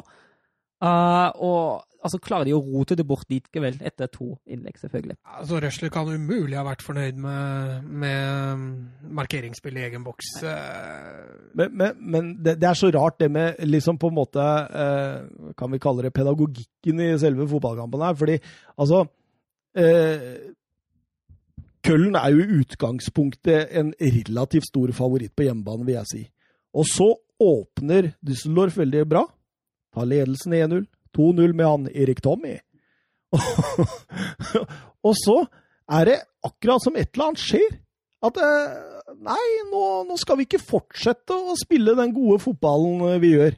Så bare legger hele laget seg bakover på banen. Og det er klart det at Køln de pumper baller, de da. Får slått innlegg på disse store beista sine. Han Modeste og han eh, Cordoba, er det det han heter? Ja. Det, det, Jo, men- altså, de men- blir jo straffa litt for å bli ekstremt passive, da, tenker men jeg. begge baklengsmåla er jo forferdelig markeringsspill. Ja. Altså, Den får jo gå på aleine. Mm. Eh, og altså, Én ting er jo som du sier, da, du legger deg bakpå for å forsvare en ledelse. Men du kan jo faktisk ikke gjøre det hvis ikke du har tenkt å ta jobben i boksen. Altså. Nei. I hvert fall ikke mot et lag som Køll, da, som er så bevisste på å gjøre det. Og jeg, jeg så også at eh, eh, tre av de fem neste kampene nå for Düsseldorf, så har de Bayern München, Dortmund og RB Leipzig. Ja, Der tror jeg han blir fornøyd med tre uavgjort, altså. Tre poeng der er seier, det. ja, det, de avslåtter helt OK med Augsburg Union Berlin, men hva, hva tenker vi nå om Ove Røsle? Blir dette tungt, eller? Jeg tror det kommet veldig an på hvordan Bremen reagerer etter den 1-0-seieren nå. Eh, hvis Bremen faller tilbake på sitt vanlige mønster som vi har sett dem så ofte denne sesongen her, da tror jeg de har en reell sjanse. Og så blir den hengekampen som Bremen har mot Eintracht Frankfurt, ekstremt viktig for både Bremen og Eintracht Frankfurt, faktisk. Men uh, jeg føler at mye, mye i det nå ligger i Werder Bremen. Uh, fordi Düsseldorf kan jeg ikke se ta poeng mot Bayern Dortmund og Leipzig. Altså. Det, Det er bare tre poeng imellom nå, er det ikke det? ja. og, og Bremen har en kamp mindre. Mm. Ja, nei, jeg feide jo Bremen under teppet jeg, forrige, så jeg må jo bare stå på det. Jeg, Du må jo det, jeg ikke- vingler Jeg vingler ikke. Men. Ja. Han får kritikk for det før. Ja. Nei, nei, nei, nei. Han fast lytter ved navn Fredheim. Ja. Ja. Nei, Fredheim. Bremen rykker ned. Sett eh, 100, 100 kroner på det. Jeg tenkte vi skulle mm, Altså, vi er jo inne i en tid hvor det skjer mye rykter, og, og det er jo veldig gøy å følge med på overganger og rykter og diverse sånne ting. Jeg tenkte vi skulle prate litt transfers. Er ikke det artig? Ja? Det er gøy, det. Mats, du henger med på transfers for tida, eller? Eller Ja, har du tatt koronapause der? Nei, nei. Nei. Men, men jeg leiter ikke etter rykter. Nei, du gjør ikke det. Nei. Nei. Det, det bare dukker opp foran deg. Ja, så, så Nå hørte jeg rykte om at Ringstad har signert for Kisa. Det, Nei, men du, vær så snill, da. Ehm, det første jeg tenker vi må prate litt om, det er at det ser ut som Filipe Coutinho ikke får fortsette i i Bayern München, og um, må dessverre, for deg, tilbake til Barcelona. Altså, grei, Hvis Coutinho bestemmer seg for å spille på sitt beste, så, så er jo han hjertelig velkommen tilbake. Men eh, så lenge han må spille ute venstre, så har vi snakka om det før, at jeg tror ikke han kommer til å få det til der. Jeg har sett i Bayern nå at det er den posisjonen han sliter mest med i Bayern, og det er der han kommer til å få spille i Barcelona. Så. Ifølge Sky Sports nå, så, ehm, så vil Barcelona komme med et tilbud til Chelsea, Arsenal og Tottenham om å ta over eh, spilleren. Har vi tro på dette, eller? Kommer an på hvor godt tilbudet er. ja, med koronatilbud på en rundt sånn 60-70 millioner eh, euro. Kjøpte den for 120? 100... Ja, 142 tror jeg vi skal opp i. altså. ja. Ja, det er i så fall 50% salg, nesten. Altså det er Men, men, men er det ikke der vi er på vei? På en sånn type sånn koronapris? Ja, altså må, det jo, må man jo huske at Coutinho har ikke akkurat prestert sånn at markedsverdien hans har gått opp i det siste. Nei, jeg Han starta jo bra! I Bayern München. Ja, i Bayern, ja. Ja, Ja. jeg studerte med til Barcelona, ja. Uh, ja, han starta bra. Ja, men han passer ikke helt inn i, uh, i Flicks spillestil, som uh, presser høyre og krever faktisk litt mer løpsarbeid av spillerne sine enn Niko Kovac da Nei, helt riktig. Det blir spennende å se hvor han tar turen. Eh, lite rykte også om at eh, Odion Igallo mm, tilbys monsterlønn i Kina og er trolig tapt for Manchester United. Oh no. Ja, men jeg, altså, jeg, jeg ser du flirer av det der. Der. og det, det er vel kanskje ikke så stor sak egentlig, men jeg ser det er en del Manchester United-fans som har trykka han til sitt bryst. altså. Ja, jeg skjønner jo det. Det er jo entusiasme i den spilleren, og han har jo skåret noen mål, men eh, jeg ser ikke dette her som et stort tap for, eh, for United. Men det skal sies at det bak Martial så er det tynt, og Martial i seg sjøl er ikke nødvendigvis så veldig tjukk. Nei, men altså, jeg, jeg tror kanskje altså, Hvis jeg hadde vært United, jeg hadde heller gått for en uh, ny utfordrer til Martial, uh, istedenfor å hente en backup til Martial. Og Igalo er, som du sier, Mats, en Men hva, Men hva med å hente erstatter til Martial, da? Ja, det han går er det jo ikke noe spydspiss. Nei, men nå er det jo Jeg vet ikke om du kommer til det riktig etter hvert, ja, men Sancho har jo vært kraftig rykta til United, og hvis de får på plass han, så er det et spørsmål hvor mye de bruker på det. Um, Men jeg er helt enig, de må få på plass, i mine øyne, en spiss eh, som kan gi Martial skikkelig kamp. For eh, Martial er både mye skada og i mine øyne ikke god nok. Nei. Det går også et rykte om at City vil ha Leon Bailey som eh, Leroy Sané-erstatter når eh, Leroy Sané drar til eh, München. Ja, um, altså Jeg trodde egentlig at City skulle sikte litt høyere enn en Bailey. Fordi Bailey har ikke vært i form denne sesongen. her. Nei, Bookmakere er helt nede i 1,40 i odds på at den uh, tyske Eller tyske er han ikke. Han, Åssen land er han fra? Jamaica. Jamaicanske. Uh, Leverkosen-spilleren skriver under etter uh, 1. september, så dette er eh, Altså, bokmakere pleier å ha Ja, altså det passer jo sikkert i Baileys karriereplan å finne seg en større klubb enn Leverkosen, men altså, jeg, jeg føler at det er en kvalitetsforskjell mellom Sané og Bailey. Sané er mye mer konstant. Bailey på sitt beste er en super, men han uh, makter ikke å prestere sitt beste over en lengre tidsrom sammenhengende for tida. Hvis du ser på City, da, altså hvis, hvis City skal hente en spiller, så må han da enten være bedre enn Stirling, eller så må han være OK med å sitte på benken bak Stirling. Og det er klart, hva skal du hente da? Leon Bailey. Nettopp. Kan komme inn og være joker.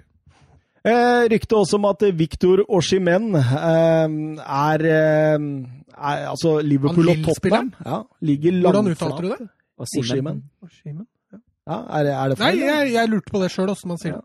Han har jo vært i Wolfsburg, Han sa du vært i? Wolfsburg, han var, han var stor talent og kom inn i en vanskelig periode, og da ble han solgt til Carlevois Carlevoix i Belgia, som solgte han videre til Lille. Så det eneste vi fikk, var litt penger fra Carlevoix og en videre kjøpssum fra Lille. Men det var ikke mye penger som Wolfsburg fikk, og han var man nok ikke tålmodig nok med.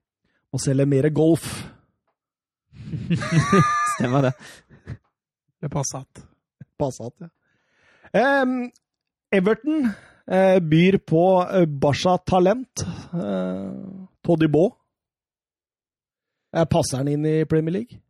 Ja, altså, Vi har jo snakka om at Everton kanskje bør ha en spillende stopper. Han er nok mer spillende enn de gutta de har der nå. Eh, Har bra tempo. Han har jo vist seg at han har en litt skrantende fysikk. da. Er ikke sikkert det passer så bra inn i Premier League, men eh, han har vist seg å være en solid spiller. Kan bli bra, det. Ja. 25 millioner eh, spekuleres det om. Det må jo være helt ålreit pris, tenker jeg. Barcelona er jo så gira på Neymar, så de er villige til å selge halve sjela si for å få, få han tilbake igjen. Så Det vrir seg i sjela di, eller? Ja, altså Med tanke på alle de ryktene, da, hvis bare halvparten av det er sant, hvor mye Barcelona skal gå igjennom for å få tilbake en hånd, Mm. jeg ser ikke verdien i det. altså. Nei, jeg er for så vidt enig med deg. Hvis det koster mer enn det smaker. Ja, altså Neymar for all del, kjempegod spiller og sikkert tilført Barcelona masse. MSN tilbake, Mats. Hæ? Ja, Fjerne S-en, da. Kan erstatte den med en M. En M, ja. Ja. En G. Ja, NMM. M. MMN. Jeg så et litt morsomt rykte, syns jeg, da, at det står eh, Det er vel Sunday Mirror som eh, hevder at Rabiot er eh, hardt linka til Manchester United. Ja, du spådde jo en strålende Juventus-karriere. Jeg gjorde jo det, og må jo si jeg har fått rett, for det ser ut som eh, Juventus ligger langflate og blir kvitt den her nå. Ja, jeg, men jeg syns det er merkelig hvis United ligger langflate i å hente den også. Eh, nå begynner han jo å få et meget frynsete rykte, den spilleren. Tror du, altså Juventus fikk den jo gratis, og Juventus er jo et sånt lag som plukker opp mye gratis. Sånn har det alltid vært. Ja, kontakte litt agenter og sånt, og så sitte ut kontrakta, og så henter vi den. Ja, så er, Kan du noen navn, eller? Ja, det, det, det er flust av dem. Pirlo, Alves, Ja, Jorente. sikkert masse. Masse. Masse. Eh, Aaron Ramsey. Eh, men Men eh, det jeg tenker på, da, det er jo det at eh, når det ligger så langflat etter eh, å bli kvitt den, at du tilbyr den til og med til Wolverhampton i bytte mot Raúl Jiménez, da, da begynner du å virkelig Er det er, ja, Men det høres ut som et glimrende bytte for Juventus. Ja, altså, Jimenez runder 30 nå, altså. Jo. Ja, ja. Nei, jeg, jeg forsnakka meg. Barcelona skal eh, være i samtaler med, med Arthur om å, å forlate Barcelona Ja, til fordel for Juventus, for å få igjen Pjanic. Ja, han er ikke så gira på det, Arthur. Han sier han trives veldig godt i Barcelona. Har ikke så veldig lyst til å forlate Catalonia, så vi får se. Men eh, det sies jo at eh, Pjanic er enig med Barcelona om de personlige betingelsene. Så Oi, oi, oi, oi. Det er vel snakk om å få på plass en, en avtale der. Det var en avtale som var mye mer gunstig, syns jeg. Bytte ved Semedo og penger. Får de til det, så hadde jo det vært eh, De har vel tilbudt Semedo til City òg, i, i bytte mot eh, Cancelo. Men det ville ikke City. Nei, jeg skjønner jo det. Så hevdes det også at eh, Barcelona-søren vil selge Dembélé på billigsalg. Ja, det hadde ikke forundra meg. Det har jo ikke vært en stor suksess i det hele tatt, den historien der Dembélé og Barcelona. Det var jo, det var jo, jo alt fra skader til forsinkelser, ikke disiplin i spillene. Det Ja, altså. Det er ikke overraskende. Han streiker seg bort fra Frankrike for å komme seg til BVB. Og så streiker han seg bort fra BVB for å komme til Barcelona. og altså, man, man har jo ikke klart å oppdra den spilleren har i noen klubber han har vært i. Og Potensialet er jo så bra. Du ser det jo at uh, når han er i form, de tre gangene han har vært det i løpet av Barcelona at uh, Det er en herlig fotballspiller med, med veldig mange interessante attributter. og Veldig synd at de ikke har greid å få orden på det. og Det var jo også med tanke på kostholdet. sies jo, Ryktes jo å være helt forferdelig hos Dembélé. og Sikkert noe av grunnen til at han sliter med skader. Så er det big news i England. Eh, rapporteres fra flere hold at det 1. juni så blir eh, Newcastle-oppkjøpet bekrefta og offentliggjort. Eh, Porcetino eh, har lavest odds på å være trener der nå. Altså, den, den er fryktelig lav. Og Osvardo Ardiles, som er jo en, eh, en Porcetino-kjenning, han eh, sier at det har vært samtaler. Det veit han.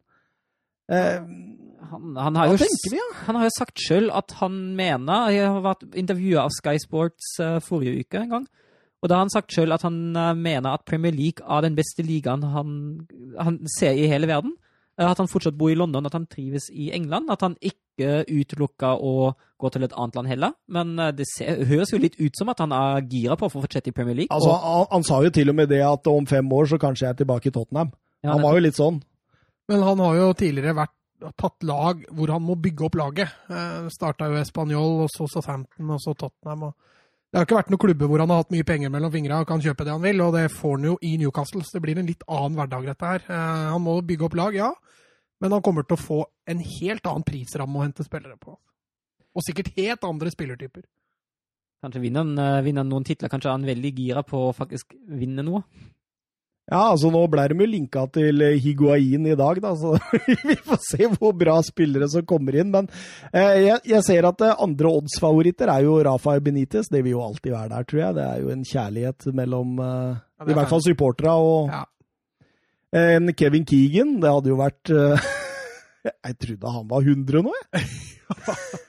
ja. Passert 90. Zinedine Zidane ganske høyt oppe på favorittlista. Eh, skal han forlate Real? Er det noe som tyder på det, eller? Altså, Det kommer litt an på, tror jeg. Hvis, nå er de jo fortsatt veldig med i La Liga. Nå ser det ut som de skal greie å fullføre det, så vi får se hva, hvordan det ender. Eh, Champions League er de jo nesten så godt som ute. Eh, Vi får se om de greier å fullføre Champions League. Skulle det ende opp med verken La Liga eller Champions League, så er det klart at et klubb som Real Madrid er ikke ukjente for å fyke trenere da. Nei. André Villas Boas blir nevnt. Å, herregud. Å, herregud, gjør ikke han det ganske bra med Marseille nå? Tror det. Ligger de ikke på andre? Nei, i, jo. Det er helt oppe i Ja, striden der, altså. ja. Det er jo ingen som, men det er ingen som kunne ta PSG uansett, så det, det, det er jo tabellen i Liga Ø er jo PSG også resten. Så hvis du ligger på andre da, så har du Ja, faktisk. Ja. Men du skal vel til Champions League, tror jeg, neste år. Massimo Allegri og Roberto Manzini. Det er en god liste. Ja, definitivt. Allegri er vel arbeidsledig, så han eh, er det vel mulig å Mulig å hente. mm. Eh, så, så går det også stygge rykter i Southampton om at denne kinesiske klubbeieren Gao Zhizeng eh, ønsker å få solgt andelen han rår over, 80 eh, Det ser ikke ut som han har fått napp enda på at det er noen som vil by det han ønsker for klubben, ca. 240 millioner pund. Som er jo en 60-70 mindre enn Newcastle, så må jo forstå det. Det høres blodpris ut i forhold til storklubben Newcastle. Eh, men da tror han at da må vi selge spillere. Eh, Danny Ings, Nathan Redman, eh, James Ward Prowse blir alle linka vekk i, i dette øyeblikk. Eh, stygt for Southampton, det der. Ja, Det er jo litt den problematikken i Premier League med at du har eiere som først og fremst tenker økonomisk vinning. At da kan det få et ende sånn at lag blir, blir solgt ut, og ja, dessverre. Ja, det er, eh, det er det negative med det. Absolutt. Det fins positive ting med det òg. Eh, sånn som for eksempel under koronatida her, hvor det sitter styrterike eiere av engelske fotballag og bare kan eh, skrive av og punche på. Det, det spiller ingen rolle. Jeg eh, tror det var Tor Christian Karlsen jeg, som sa det, at eh, det fins eh, Premier League-lag, i hvert fall de aller fleste i, i, fra midt på og oppover, som kunne omtrent på, holdt på i en sånn koronasituasjon i flere år. um, Tottenham uh, kjemper med PSG om en overgang uh, for Timothy Castagna fra Atalanta, Mats. Ja, nå fulgte ikke jeg med. Nei, jeg ser dette. Det, var derfor jeg sa det, faktisk. Du, har- du, du har sittet med mobilen din nå i flere minutter. Jeg måtte svare på en melding, så det var derfor jeg Ja, tatt det. jeg skjønner det. Du har jo barnepasser i dag og sånt, så. Det stemmer. Ja. Hva lurte til eh, Tottenham eller PSG, hva tenker vi om det? Tottenham trenger en høyrebekk. Ja, utvilsomt. Eh, ja, Aurier har vært dårlig, han. Altså, altså, nå har han vel eh, fått koronaadvarsel for tredje gang av klubben, tror jeg. Ja, han var hos frisøren og han var overalt der, så det, det er vel typisk Aurier å gi litt faen i alt. Ja, eh, PSG eller Tottenham. Ja. Man velge, må velge, liksom. Jeg veit ikke om han må velge, men ryktet tilsier at de kjemper om eh, signaturen hans. da. Ja, for de er jo, altså Monier i PSG er jo bra, men de, Men han nå blir ringa Ja. bort. ja, men han, de trenger noe bak han igjen også, så det er ikke sikkert at det er en dårlig match. altså. Men eh, ja, sikkert ikke noe dumt. Han er en offensiv type, så passer sikkert inn i begge laga. Ja, Tottenham blir også linka hardt til Milik i Napoli. Ja. Det kan, så, Det kan så, være en god match. Ja, men for, for en eh, Altså, eh, Mourinho har tydeligvis gitt Danny Levi beskjed om at eh, Harry Kane må avlastes. Vi Mm. kan ikke fortsette sånn, for da blir han skada. Altså, han har vært skada i to-tre måneder de siste fire sesongene, tror jeg. Mm. Så en, en god idé. Um, Sarri ønsker Jorginho. Hva tenker vi? Ja, Er vi overraska? Nei, vi er ikke det. jo ikke det. Særlig hvis Pjanic går, da, så er jo det Tøff for Chelsea. tøff for Chelsea. Ja, for han har vært bra i år, altså. Chelsea driver og bygger opp engelske spillere, og det får dem et par hundre millioner for han, så kan det hende de lar seg friste. Altså. Da er det inn med Ruben Loftus, Sheik og Billy Gilmore og hele gjengen, ja, og så så- fortsetter vi. Og så har de jo fortsatt Canté, så det er ikke noe nødvendigvis kjempetap for dem. Det er verre hvis eh, denne voldtektsanklagen mot Odoi skulle slå gjennom. Det tror jeg blir en kjempeblow for dem. Altså. Mm. Ja, absolutt. Det, det, det, den er stygg. Den er Ja, den er fæl. Uh, Vi bør kanskje være litt forsiktige med å uttale oss på ting vi ikke Veit noe om. veit så veldig mye om, men uh, det sies jo at det er en anklage der om en voldtekt, så Og så går det litt rykter om en mann du møtte på eh, 7-Eleven på Bygdøy tidligere i uka, Mats. Ja, Joshua King, ja. Ja? Ja. Hadde, hadde noen velvalgte ord? Ja, vet du hva, han var Altså Du, du skvetter jo litt, for han sto bak meg i køen, og så snudde jeg meg, og så er jeg 20 cm. Han brøt jo koronaavstanden. Og... Men du blir jo litt satt ut når du plutselig er Joshua King som står bak deg. Ehm, og så sto jeg bak en, og så bare glapp det ut av meg, liksom. Eh, Burde ikke du vært i England nå, egentlig? og så bare Jo, jeg skal dra nå neste uke. Og så var han egentlig veldig jovial og trivelig å prate med. Ja, så hyggelig. Bare rant ut, og vi sto og prata faktisk i fem-ti minutter innpå Oi. 7-Eleven. Oi, oi, oi. Eh, ikke så veldig mye fotball. Eh, det var mest eh, snus og korona og sånne ting. Det er snus, ja. Ja. Eh, var den der for snus? Ja. vet ikke om han ville jeg skulle avsløre det, men eh, Nei, det er sikkert ikke så ille. Uh, han, han påpekte at han snuser ikke i sesong, så Jeg veit ikke om det redder han. Men uh, nei da, han var en veldig hyggelig type, så jeg fikk faktisk Altså, han fremstilles jo i mediene som litt sånn cocky og Litt arrogant. Ja, litt arrogant. Men når jeg prata med han der, virka ikke sånn i det hele tatt. Det er kult. Men det er klart, når du drar på 7-Eleven for å kjøpe snus for en måned, så er det klart, da har du litt spennende. Han har bytta agent nå. Det sies det at eh, det er eh, flere engelske toppklubber som eh, sikler etter den. De sier ikke hvem, denne kilden vår, men det skal være fire store klubber. Og det er vel siste sjansen hans for en stor kontrakt nå, er det Ja, ikke fordi det? han er sånn, er ikke 28-29 eller noe sånt? Ja. Så neste kontrakten han, han signerer, vil være den, den siste store han virkelig signerer. Og jeg skjønner jo at han kanskje har lyst til å spille i en større klubb enn Burnhamouth, og Burnhamouth er jo fortsatt er på ingen måte sikra plass i Premier League neste sesong heller, men jeg tror altså det er ganske sannsynlig at han forlater Burnhamouth uansett hvilken liga de spiller i neste sesong. Ja, for han er ut 2021. Ja. Eh, så det betyr at hvis Bournemouth skal ha penger for han, så må de selge han. Ja, Og Bournemouth trenger sannsynligvis penger. Fordi det er en av klubbene jeg har lest om som har høyest eh, eh, lønnsbudsjett i forhold til inntekt. Mm. Og da sliter de jo under denne koronatida, så det kan godt hende Jeg ser Ryan Frazier nå kan gå på free transfer til Arsenal. Ja.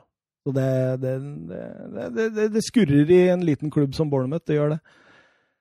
Mats sier eh, navnet Savier Byamba det er noe. Ja, han er høyrevekk på Barcelona sitt B-lag. han. Han er linka vekk, han. Ja, nå leste jeg i dag også at han ikke vil få tilbud om ny kontrakt, så da, da bærer det vel den veien, da. Da bærer det til Chelsea, ifølge Evening Standard. Ja, altså han er jo et brukbart talent, eh, men jeg har liksom ikke sett Det er klart høyrebacker, du får ikke så mye input om det vanlig, men eh, han er vel opprinnelig nederlender. Ja, stemmer det. stemmer det. Så han, eh, han er helt sikkert brukbar. Det kan hende Barcelona nok en gang går glipp av et stort talent. Altså. Så det var litt av derfor jeg tok det med, faktisk. For at du skulle sitte og bite i deg disse, Ja, ja. alle disse talenta som bare forsvinner ut av La Masia. Ja, det er litt slitsomt. Sa jeg La, La, La Masia litt rart nå? La, La Masia? Ja, hvis du sa La Masia, så La- sa du det veldig rart, faktisk. Eh, Arsenal er på jakt etter Beck til Søren. Har du hørt om det? Nei, Tagliafico fra Ajax. Må være hånd i hanske. Spennende det, ja. De har jo Kolasinac, ja. Og Tierney. Ja. Tierney skada. Kolasinac uh, jager eh, Banditter. banditter. Da, det, det er klart du må ha inn en ny Kolasinac komme inn på Politihøgskolen. uh, Tagliafico er åpen for et klubbskifte til Arsenal, eh, og, men samtidig så har han en eh, kontrakt i Ajax. Han sier eh, han vil fullføre hvis han må. Det er ryddig. Ja, sånn skal det gjøres. Sånn skal det gjøres. Eh, Så har Jan Fertongen, han går inn i siste kontraktsmåned. Nok en år, ass. Men- Tottenham har alltid, går ikke et eneste år ass, uten at Tottenham har en spiller. Jeg Tror ikke de er interessert i å fornye den, jeg skjønner. Gammel 33. Ja, har vært litt nedadgående. Nå skal det sies at eh, han driver og forhandler med Roma, men Roma, ifølge ryktene, syns lønns... Eh, Han forhandler egentlig aleine om den kontrakten. i ja, han gjør jo det samme med, agenten. Og så har de jo Smalling der i Roma, det må man jo ikke glemme. Tenk ja, Smalling og Fertongen. eh, Da blir Og rock'n'roll i italienske hovedstaden der, ja. Kepa, forlater han Chelsea? Det er spørsmålet. Spanske Sports hevder at uh, han er sterkt ønska i Valencia. Ja, Valencia var, er, eh, var ute og sa at de er villige til å selge Jasper Sillefsen. Så at eh, Valencia er gira på å få inn en keeper, det, det virker jo sånn. En keeper. En keeper. Jeg leste jo også Salisu. Jeg vet ikke om du har han på ryktebørsen din der. Han var Jadolid-stopperen som har vært bunnsolid i år. Er sterkt rykta til renn. Syns det var rart Valencia ikke prøvde seg på han i vinter, når de sleit så fælt med stoppere. Um, men, Nei, eh, de syns vel eh, Paulista og uh... Nei, men de har jo, hadde jo ikke stoppere! altså, han Garay var skada, Paulista var skada, og jaggu meg så sleit de med han skade på han siste der òg, Mangala. Diakabi, bare Diakabi. Da går det vel an å hente inn en til. som egentlig er defensiv midt, eller? Eller var det han Nei, som nei, nei. Nei, han er stopper, Han er men stopper, har men han- spilt mye ja, defensiv midt. Mm. Så en Salisu inn der, som bare er 21 år, måtte jo vært gull for Valencia. Men uh, da kan det hende det blir renn, renn. Jeg så også Atletico Madrid var uh, litt rykta til. Diego eh, Carlos, kjent som midtstopper i Valencia, han har en utkjøpsklausul. Diego Carlos Er ikke han i Sevilla? I Sevilla. Så sa jeg, sa jeg noe annet? Du Sa Valencia. Valencia. Vi har vært mye innom Valencia de siste par minutter, så da ble det Men det er Sevilla, selvfølgelig. Eh, har en utkjøpsklausul på 75 millioner euro, og den, eh, den eh, frister eh, Jørgen Klopp og Liverpool litt. Han har vært bra. Eh, vi snakka jo om Condé som kanskje det beste kjøpet, men der har Diego Carlos vært har egentlig tatt den, eh, tatt den rollen. Det er noen år mellom dem òg, da. Ja da, riktig. Ja, Condé er mer framtid, og det gjør vel kanskje også at Sevilla kan gni seg litt i hendene hvis de ender opp med å få 75 mil for den, for det, det vil være et vanvittig pluss for Sevilla å gå Men samtidig, tenk da, Diego Carlos og Vigel van Dijk. Det er et stoppepar som du ikke har lyst til å møte i en eh, mørk bakgate i Glasgow. Altså. Nei, men du har gått deg skikkelig bort hvis du kommer med en ball i bakgata og møter van Dijk og Carlos. Altså. Da har du, da har du rota deg borti noe ordentlig tull, altså. Barcelona senker prisen på Umtiti. Barcelona skal være klare til å lytte et bud på Umtiti med prislapp på kun 30 millioner euro. Kobla til Arsenal, Manchester United og Inter Milan. Hva tenker vi, Søren? Nei, det er jo en uh, bunnsolid stopper som uh, altså, Nå nevnte du vel også at David Louis var på vei bort fra Arsenal, så da tenker jeg egentlig at det kan passe ganske bra. Det hadde i hvert fall vært en upgrade for, for Arsenal, syns jeg. Og det er jo ikke rart at man senker prisene i koronatiden nå. Da faller vel alle markedspriser ganske kraftig. Ja, stemmer det. David Louis han eh, går muligens eh, tilbake til eh, Benfica. Og ikke Chelsea. Ikke Chelsea. Han skal gå der noen annenhver sesong nå. Men uh, Ayer. Han tok du ikke med. Real Madrid? Ja. Ja, Og Haaland til Real Madrid. Det blir jo, synes det er us helt useriøst. Er ikke det useriøst? Ayer til Real Madrid? Og Sander Berge. Det er for fire nordmenn i Real. Det har vært helt konge. Fire nordmenn i Real Madrid! Det hadde vært så sjukt! Det hadde vært helt rått. Men, men, men ikke, har ikke TV 2 kjøpt for rettighetene i La Liga fra Ja. 21? Ja. Nå skal de sende både Premier League og La Liga. Det blir litt deilig før de mister Premier League igjen. da. Ja, og da, Det året koster jo TV 2 Sport Premium 3000 kroner. I, Men vi- I uka. Vi må Hæ? 3000 i uka?! Må ha det for Må ha det, si. Må ha det for det, si. Og har de Champions League Men Søren Storks på sida her kan uh, kose seg med Viasat for Du, jeg, 399. jeg har alt, jeg. Må jo se alt. Ja, det har jeg har alle kanaler. altså. Ja, det har, det har faktisk jeg også. Det er Altså Jeg, jeg syns jo det er positivt hvis man klarer å samle det meste på ett sted. Ja, og det, altså, Hvis jeg kan få lov å avspore deg litt. altså Det som er jo litt sånn problemet med de rettighetene, at de går jo til én kanal. Uh, og så har du ikke rettigheter én på én kanal, så rettigheter to på en annen kanal, rettigheter tre på enda en annen kanal. Uh, og det hadde vært egentlig mye bedre om alle kunne kjøpe rettigheter, og så lage de pakkene og supporterne sjøl kunne bestemme hva de valgte. Men uh, sånn er det jo dessverre ikke. Sånn er det ikke. Det er for å melke mest penger ut av her, vet du, Søren. Jepp. Melke og melke.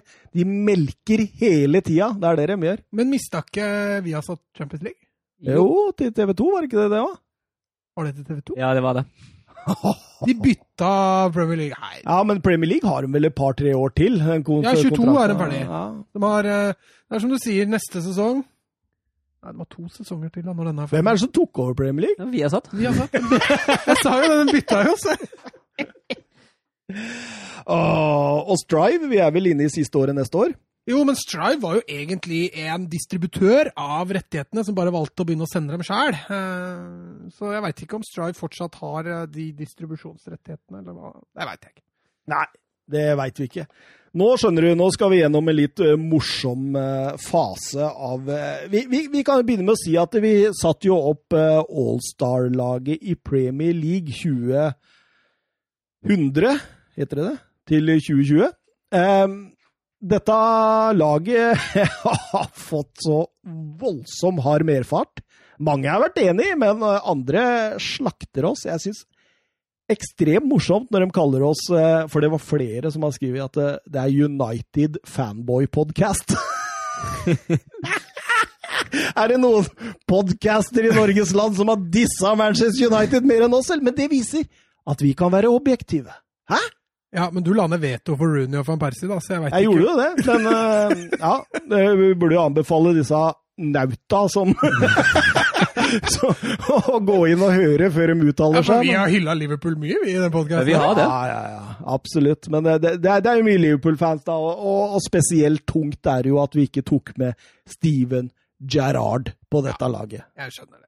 Jeg prøvde riktignok å, å blende den litt inn. Eh, men blei eh, ble stansa av dere to. Hæ? Skylder du på oss? Ja, jeg gjør det. Hvis du hører den igjen også, så, så nevner jeg den og sånn. Men dere, dere avfeide den litt. og vi må jo svare for oss her, for vi, vi fikk mye kritikk. altså eh, Blant annet så nevner de at i forhold til sånne individuelle priser, da, så hadde Gerrard 29 betydelige priser, mens eh, Scholes hadde 6. Uh, Gerard Hva er 100... betydelig pris? Ja, Det var noen Ballon d'Or topp tre, det var uh, månedens Hvilken pris? Gir dem ut priser på tredjeplass i Ballon d'Or? månens spiller, uh, Uefa-lag, årets lag, uh, sånne ting, ikke sant? de nevner også at Gerard hadde 114 landskamper, mens Paul Scholes hadde 66. Hva sier vi, Mats? Scholes, Scholes la jo opp på landslaget lenge før han la opp som fotballspiller, så han kunne jo helt sikkert fått en god del flere landskamper hvis han hadde, hadde fullført. Eh, jeg står fortsatt inne for, for, at Scholes skal være med på det laget der. Jeg er fortsatt på det at han er en av Premier Leagues historiens beste midtbanespillere. Eh, nå blir jeg litt tidløs, men det er fordi jeg ikke husker så mye fra før 90-tallet. men Nei, men det er ikke 90 før 90-tallet vi skal Nei, men jeg sier hele Premier League. Ja, ja. Uh, så jeg har ikke noe dårlig samvittighet for å ha med, for å ha med Scholes. Men jeg har litt dårlig samvittighet for at Gerrard ikke, ikke er med. Ja. Den, jeg skjønner jo det, for det var jo en vanvittig bra Premier League-spiller og primus motor for dette Liverpool-laget at de faktisk både har vunnet Champions League og har ja, for å si, vært med å kjempe om noen Premier League-medaljer. da. De har vel ikke kjempa så mye om Han sklei, da. Ja, han, han let it slip. This eh. must not slip! Mm. og ja, eh, men plassen ved siden av Scholes, så var det ja, Lampard er selvskreven. Det syns jeg. Altså, ja, han kjempa jo du inn! Ja, ja, men der, der syns jeg ikke det er den diskusjonen engang. Altså Med det målsnittet og den enorme karrieren han har hatt, med alle trofeene og alle Nei, det, det, det der gir jeg meg ikke. Det, hvis jeg skulle hatt inn Gerrard, så hadde det vært for Scholes. For min del, i hvert fall. Mm. Ja, altså, altså er det jo sånn, Når du har, når du har et Oldstad-lag over 20 år, med såpass gode, mange gode spillere. Altså, det er alltid noen som ikke kommer inn, for du har bare elleve plasser å gi. Og så har du alltid noen som er misfornøyd med at akkurat favorittspilleren til vedkommende ja. ikke har blitt med. Helt um, riktig. Det kunne, ha, det, det kunne sikkert ha blitt tatt mange flere eksempler av spillere vi kunne ha tatt med, og gjerne skulle ha hatt plass til. For jeg er enig med Mats. altså, at Kult å få plass til Gerard på laget fordi han var en eksepsjonell spiller. Men sånn hadde. Vi har elleve plasser å gi. 2 har midtbane. Vi valgte andre spillere. Det, det vi altså kunne laga nesten tre-fire like gode lag. I, når vi så på den potten av spillere vi hadde. Og det er marginer som går her og der. Og det er en, også en Wilhelm som tar oss litt i forsvar. Han sier det at det er jo en umulig øvelse. Eh, mye jevngodt, og det er smak og behag som til slutt avgjør. Og det er, det, det er jo sant. Ja. Og det var vår smak. Eh, vi ble møtt med useriøst, eh, skrev Mattis. Eh, Arnt skriver det er utrolig at de ikke finner plass til en eh, Liverpool-spiller her. Hva tenker du, Mats? Du har jo prøvd å slåss inn en Liverpool-spiller? Ja, jeg blei møtt med at van Dijk hadde jo ikke spilt lenge nok i Premier League. Men altså, Liverpool har jo ikke vært så vanvittig gode på 2000-tallet i Premier League. Altså, det er, det er null titler. Eh, jeg vet ikke hvor mange FA-cup- og ligacuptitler de har. Det er, par, det, er, det, er, ikke sånn fryktelig mange. Eh, de har eh, én Champions League-tittel, hvis du ser bort fra den i fjor, da. Ja, jeg kan ikke se bort fra den i fjor, da. Nei, men hvis du kan se bort ja. van Dijk, så kan ja. du også se bort fra den Champions League-tittelen. Ja, vi kan det. For Fordi da er det det jo mange spillere som ikke har spilt lenge nok i Premier League til å være en vurdering her. Det er jeg enig med Mats. Ja, altså, vi vurderte jo ikke Sala. Altså, du, du nevnte Sala, men han var jo ikke i noe diskusjon. Mané har jo ikke vært i diskusjon. Eh, så eneste, De to, kanskje tre eneste Liverpool-spillere. det er ingen her heller som har nevnt Sala Salah og Mané inn, sa alle disse Liverpool-folka. Så det, Det det er typisk 4-3-3-spillere òg, da, så det er ikke så lett å kjempe Nei, ikke inn i 4-4-2. Ja. Og det, det var det flere som sa, at vi burde bytta formasjon til en eh, 3-4-3. Det er mye morsommere å sette opp et lag der, da. Så. Men eh, 4-4-2, du kan ikke bomme. Det er klassisk. Det er eh, god, tradisjonell uh, allstar-lagformasjon. Jeg syns det er fint Jeg å så holde på med. Allstar-laget fra VM i 90. Det var 3-4-3. Ja, det var det, ja. Var det. Ja, deilig, vet du. Det er deilig. Eh, Noen mener vi burde hatt inn eh, spillere som Ashley Cole, eh, Eden Hazard og Drogba. Ja, Vi nevnte jo alle tre. Vi hadde alle tre inn i Eh, skapet. Og Ashley Cole blei jo ofra for at vi ville ha med Bale og Giggs. Ja. Eh, Hadde vi skulle kjørt en klassisk venstrebekk, så var jo, virka det som alle tre hadde Ashley Cole på førstevalg. Sebbe sier 'er dere fulle', eller? Bale på venstrebekk. Men uh, hør på podkasten vår, Sebbe! Så skal du få høre det at vi gikk, inngikk et lite kompromiss fordi vi hadde veldig lyst på Bale inn, samtidig som vi ikke kunne overse gigs, var det ikke så? Ja, det var det. Og et, og et Allstar-lag uten en Tottenham-spiller, da hadde vel ikke du fått med deg? Nei Hvis ikke jeg hadde fått inn Bale, så hadde jeg slåss på Kane på tro og ære. De, de, de tallene til Kane, det er, det er ikke så mange av de som kan matche de, skjønner du, Søren. Ja, du får nevne de, da. Ja, det har de ikke akkurat her, Nei, men greit. eh, jeg hadde dem i sist. Ja, du hadde det, ja. Ja, sant det. Eh, skal vi over til serie A All-Star Team? Jeg syns det var enklere, Ja, men et like sexy lag. Ja, definitivt. Og starten på 2000 og, et par år framover, da var det mye deilige fotballspillere på Italia. altså. Og det var jo kanskje Italias storhetstid, hvis du tar med slutten av 90-tallet og starten av 2000-tallet. Da var dominerte italiensk fotball Champions League. altså. Ja, ja, absolutt. Det er, det er nydelig. Og, og, og når du dro i spesielt det forsvarsleddet, så var det bare sånn Det første jeg tenkte, dette er sexy både på banen og utafor banen. Dette. Ja, Det er deilige fotballspillere i dobbel forstand, faktisk.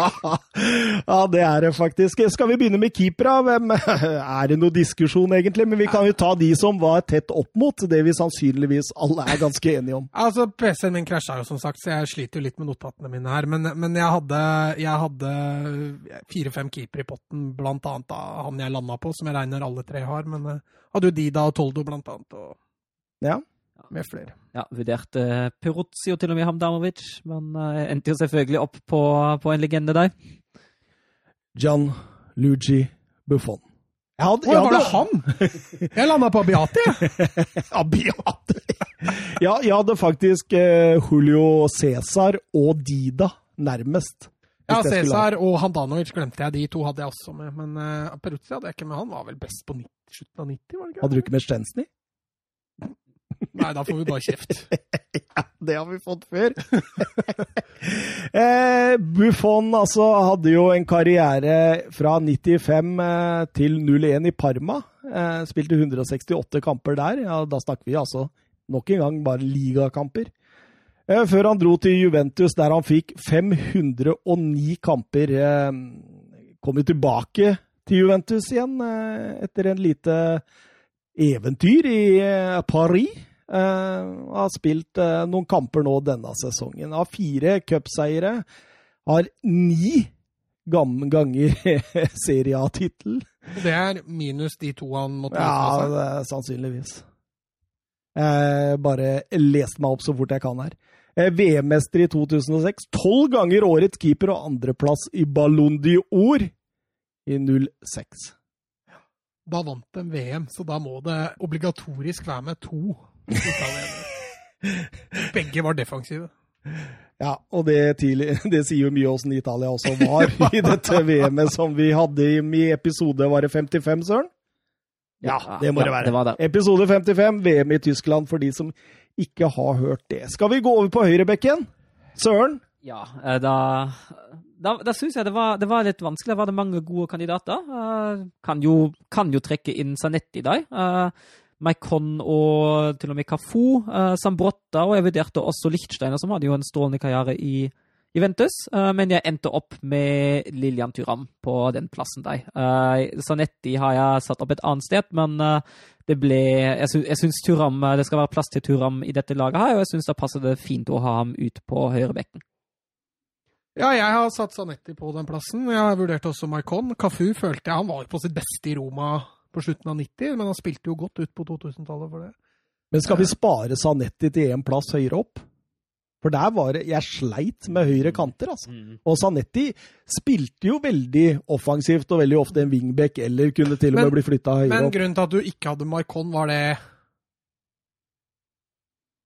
Nei, hvorfor var det ja, Hvorfor, hvorfor, hvorfor, landa, hvorfor landa, du på Turam istedenfor Maikon? Jeg, altså, jeg syns Turam uh, var sett under ett en uh, Eller det kunne jo like, like, godt ha blitt Meikon, altså, for min del. Det, det, er jo greit nok. Men ja, jeg, jeg landa på Turam fordi jeg, jeg liker Turam. Jeg syns spillestilen til, til, Turam var veldig fin. Uh, og han hadde en ja, fin og strålende karriere, akkurat som Meikon i Italia. Men det var nok litt nuanser og personlige preferanser som ga utslag her.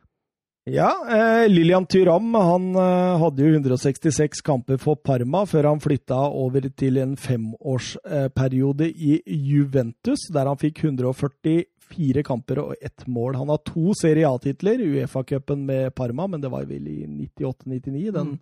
Kjente der og har en mengde individuelle priser. Maikon derimot, han kom til Inter i 06, eh, var der i seks sesonger og fikk 177 kamper og 16 mål før eh, ferden eh, gikk videre til Roma. 59 kamper og fire mål der, altså snakker fortsatt Serie A-kamper, det gjør vi hele tida her, for de har jo flere europakamper og, og, og diverse. Eh, har eh, som sagt fire Serie A-pokaler, eh, en del hjemlige cuper. Champions League-pokal i 09-10 og var på årets lag i Uefa 2010 og Uefa Defender of the Year 09-10. Eh, Maikon er veldig tung, men har vi tenkt på Christian Maggio? Er det noen som har gjort det? Altså, Der snakker vi om en spiller med som er tre ganger på årets lag, som har bøttevis med kamper for, eh, for eh, Napoli. Var fantastisk høyreback. Ja, jeg husker den. Eh, men, men, jeg lander fortsatt på Maikon, altså. Jeg mener, altså, jeg lar meg friste av det offensive, da. Han var jo også, ikke minst, den 09-10-sesongen hvor han var outstanding. Ja, altså. Verdens klart beste høyreback. Så jeg, men så klart, jeg er jo veldig offensivt anlagt sjøl og prefererer alltid offensive, så min stemme går i hvert fall til jeg, jeg mener jo at eh, hvis Sanetti Hvis vi ikke skal flytte han oppover, så må vi ha Sanetti inn der. Ferdig med det. Ja, ja, men jeg har Sanetti på den plassen. Ja, oppover? Ja, Nei, på høyrebekken. Du har det. Men er du villig til å flytte den oppover? Hvis du er det, så må jeg ta et valg her nå mellom Tyram og Maikon.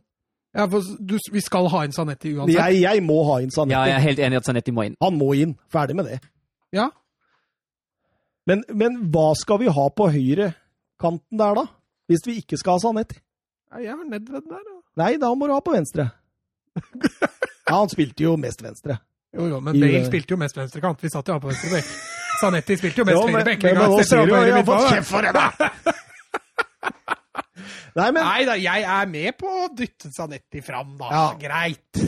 Ok, og jeg, eh, jeg, har også Tyram høyest. Så da blir det Tyram, høyrebekk. Da fikk jeg verken Sanetti eller Marco på veggen. jeg tapte ikke bare én, jeg tapte to der! Jeg sier som de sa i Team Antonsen, denne tapte du så det sang. Venstrebekka, har vi noe Er det noe å diskutere, egentlig? Nei, det må vel bli Maldini. Han var jo også fryktelig god på 90-tallet, men han var også fryktelig god på 2000-tallet, så Jeg vet liksom ikke, Han hadde liksom ikke de helt store konkurrentene heller. Nei, det er eh, lite konkurranse der, men um, av de sju Serie A-titlene så er det kun én han har hatt etter 2000, men han var jo strålende langt ut på år 2000 og fire ganger årets lag, Serie A Defender eh, of the Year 2004 og tredjeplass i Ballon d'Or 2003. Ja, han skåra jo Champions League-finalen i 05? Ja Skåra mot Liverpool. Ja, stemmer det. Har du lest det opp nå?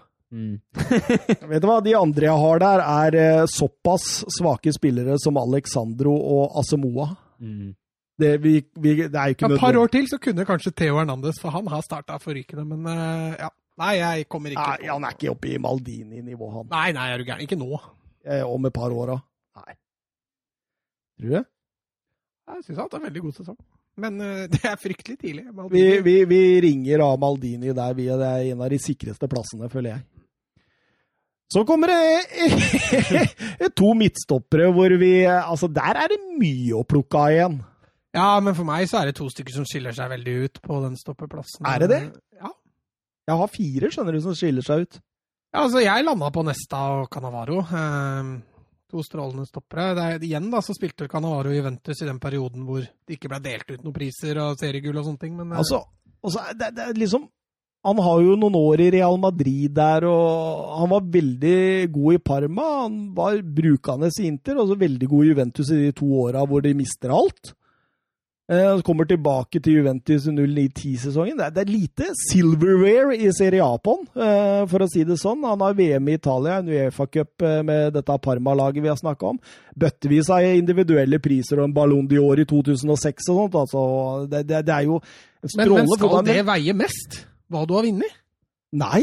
Nei, nei, nei. nei. Ja, dette er attributter. Ja. Attributter, Mats.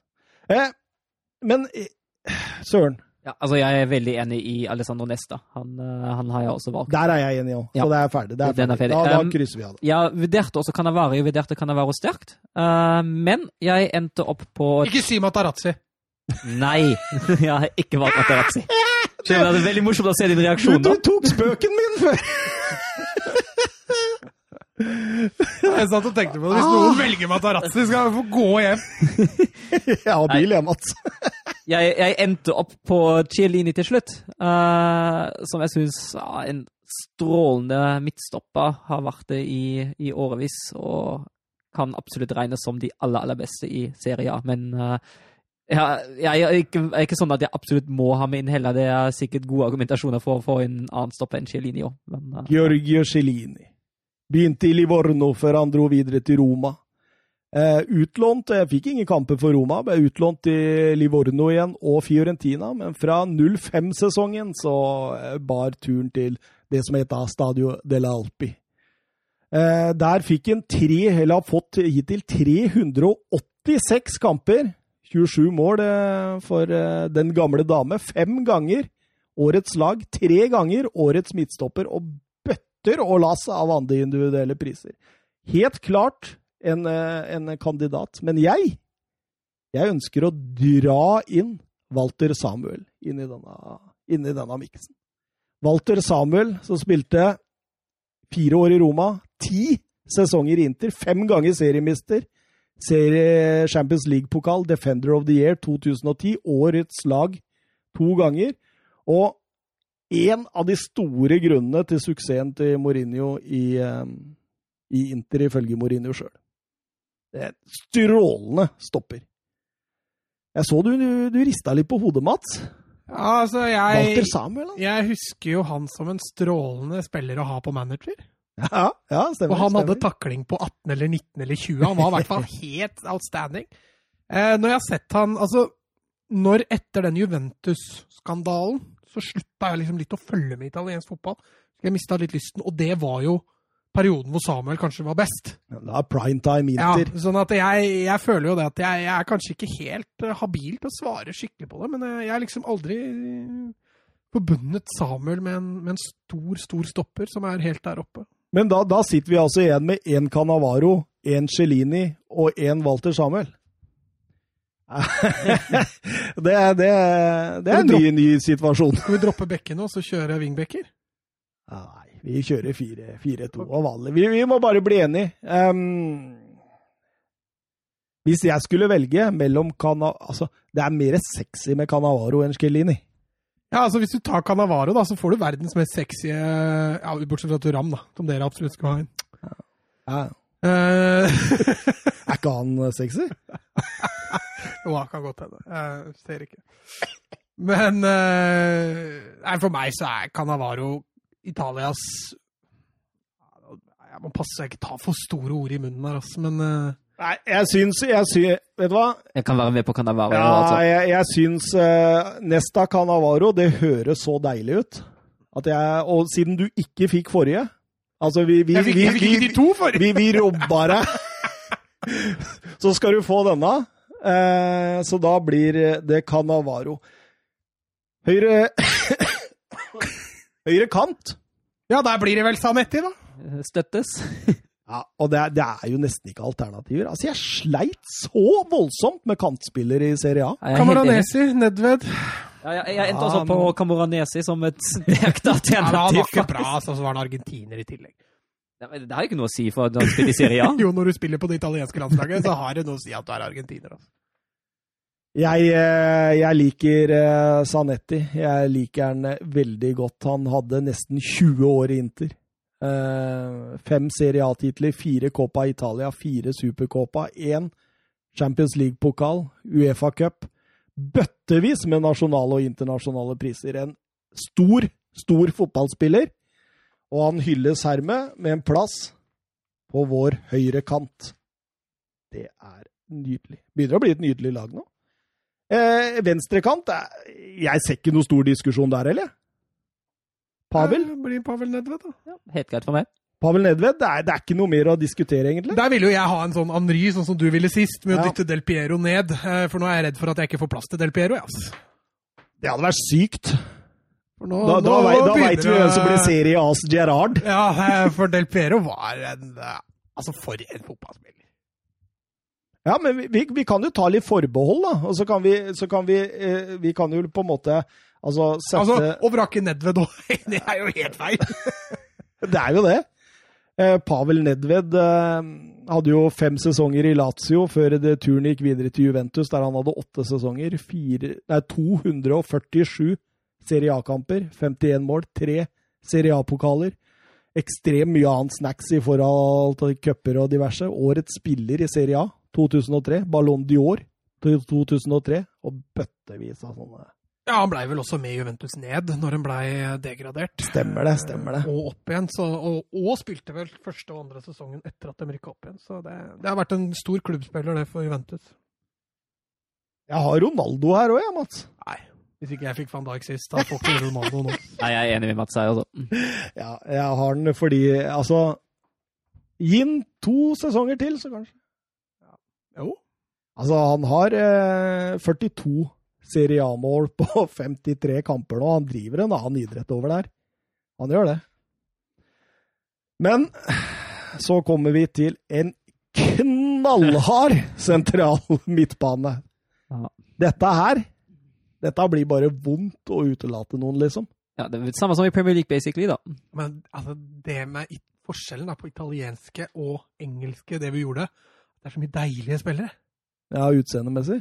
Eh, Ja, for så vidt også. Men eh, altså, hvis du sammenligner da, en Pirlo og en Gerrard, for eksempel altså, Ja. Du skjønner hva jeg mener med deilig? Det er, det er jo mer maskin i Gerrard, og så Ja, er det mer feinschmecker i Pirlo. ikke sant? Ja, ja, det er jo helt det jeg mener. Det er de deilige fotballspillerne du har i Italia. Mm. Enig, det blir- vanskelig valg. Men, du, men sånn vil det jo bli. liksom sånn. Nå skal vi sette opp eh, Bundesliga og La Liga også. Så har du de deilige i La Liga og Serie A, Mm. og så har du maskinene i Bundesliga. Og og... Bastian Schweinsteiger! Lukas Podolsky! Nei, han skal ikke med på Søren Starks! Han blir, han blir dommeren! Han blir dommeren, ja. Men eh, sentral midtbane, gutta. Eh, kommer vi, vi kommer jo ikke noe vei utenom André Pirlo. Han må ta den ene rollen. Ja, han var han jeg satte først også. Det er vel en av de største fotballegendene italiensk fotball noen gang har hatt. I hvert fall på 2000-tallet, tror jeg. Jeg er helt enig, jeg mener han er selvskreven på det laget. Det, det er ingen tvil. Eh, en strålende karriere i Inter Nei, Inter sier jeg i AC Milan. En strålende karriere i Juventus. Seks ganger seriemester. To Champions League-pokaler. VM 06. En haug av cuper, individuelle priser. Fire ganger årets lag og tre ganger årets spiller. Det, Buffon han har sagt om uh, Pirlo at han er et, geni. Og at med Roberto Baggio er han det beste Italia har produsert på de siste 25 årene. Johan Cruyff har sagt at Pirlo kan gjøre hva han vil med føttene. Han er et geni. Ah, det er så deilig. Når, når du får sånn skryt av Johan Cruyff. Men den pasningsfoten til Pirlo altså, Han slo jo så å si ferdig dempa pasninger òg, han. Ja, ro. Ja. Ro, tenker jeg med Pirlo. Altså, han var jo ikke, han var ikke en Busquets-type som vant ballen og gjorde det enkelt. Det var en feinschmecker som Han vant ikke så mye baller, men ga du ballen til så ble det alltid noe produktivt. altså. Og så var han som en italiensk vin. Han blei bedre Ja. og bedre med åra. Det har det mange som har sagt om Pirlo før deg. Ja, ja. Jeg visste ikke hva jeg skulle ta han, men jeg eh, Ja. Andreplassen, da. Det, det her blir tøft. Det blir tøft. Ah, har vi noe Søren, alternativer? Kom. Ja, ok. Uh, man har jo jeg, jeg, har- jeg fant mange der. altså Gattuso, De Rossi, Sedoif, Kaka, Davids, Viera, til og med Marquisio. Kan til og med argumentere for Hamsik, kanskje til og med uh, Ever Emerson, som var innom Italia. Jeg syns det har var Sa du Pogba? Ja, nei, Pogba har jeg glemt, men ja, Pogba kan også godt Ja, kan du ja. Sa du Rabiot? i forhold- altså, Pogba var i Juventus i fire sesonger. Ja. Han, han hadde 124 Serie A-kamper. Han hadde 28 mål. Han hadde fire Serie A-titler. Ja. Tre ganger på årets lag av de fire.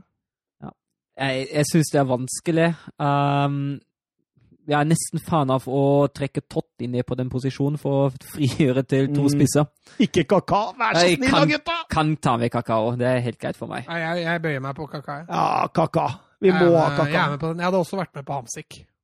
Litt på grunn av utseendet. Han har vært en ny, deilig er midtbane. Han er ikke så veldig deilig utseendemessig, han, men eh, for en fotballspiller og for en klubblegende i Napoli der, altså. Vi må ta Kaka. Det er ingen tvil om det. Han har eh, 77 mål i, i AC Milan på sine ja, blir det vel eh, sju sesonger til sammen. Han kom jo tilbake igjen i 13-14-sesongen. Eh, Ballon Dior eh, i 07. Ja. Årets spiller i Serie A to ganger. Eh, helt strålende. Vant også Champions League med AC Milan og et seriemesterskap. Og eh, var jo helt konge når han dro til Real Madrid der og ble ødelagt. Som uh...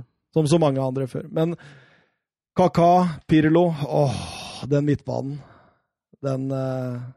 Det er litt ubalanse der ja, det, du, men, du, har, eh, du har ikke sluggeren. Nei, du mangler den Du, mangler Gattuso. Ja, du mangler Men det gjorde vi for så vidt på England òg. Mangla Gattuso der òg. Gjorde det. Zidane han spilte vel bare én sesong på 2000-tallet i Serie A. Han kom vel til Real Madrid i 2000, 2001. 2000. Sommeren 2001, tror jeg han gikk. Eller var det sommeren 2002? Nei, for han ble matchvinner i Champions League-finalen i 2002. Ja. Så det må ha vært i 2000 eller 2001. Ja, absolutt. Cambiasso og Di Rossi var vel de to som var nærmest, eh, nærmest Pirlo og Kaka for meg. Kanskje Gattuso også, sånn hadde den på minnet. Men jeg føler vi har nådd riktig sentral midtbane. Og så da, gutta. Så kommer spissene. Vi veit vi vil bli flådd. Ja, men hvis jeg da må velge Det er kjipt, men vi kommer faktisk ikke utenom Sjevsjenko. For en spiller, for en spiss. En typisk nummer ni, eh, selv om han var nummer sju. Men, men, men, men før, før du går videre nå, du kan gjerne gå videre, men bare før. Det betyr Ja, du jeg veit Ja, hva det betyr. men hør, det, det betyr at du dropper enten Antonio Di Natale, Alessandro Del Piero eller Francesco Totti. Ja, jeg veit det. Eller Zlatan Ibrahimovic eller Gonzalo Higuain. Eller Pippo Inzaghi. Ja, eller David Trezeguet. Eller eh, Ronaldo. Ja, gamle Ronaldo eller nye? Ja, El Fenomeno. Ja, han er litt kjip å droppe, men han Ja. var ikke så bra i Inter, altså. Nei, altså, det var ikke sånn voldsomt mange sesonger. Nei, og så var han jo skada i ett og et halvt år mens han var i Inter også, så han Men Ja. en av de som har best stats, det er faktisk Mauro Icardi eh, i Serie A. Så han har, eh, han har 111 Serie A-mål på 188 kamper for Inter Milan. Og så hadde han eh, 11 på 33 for Sampdoria.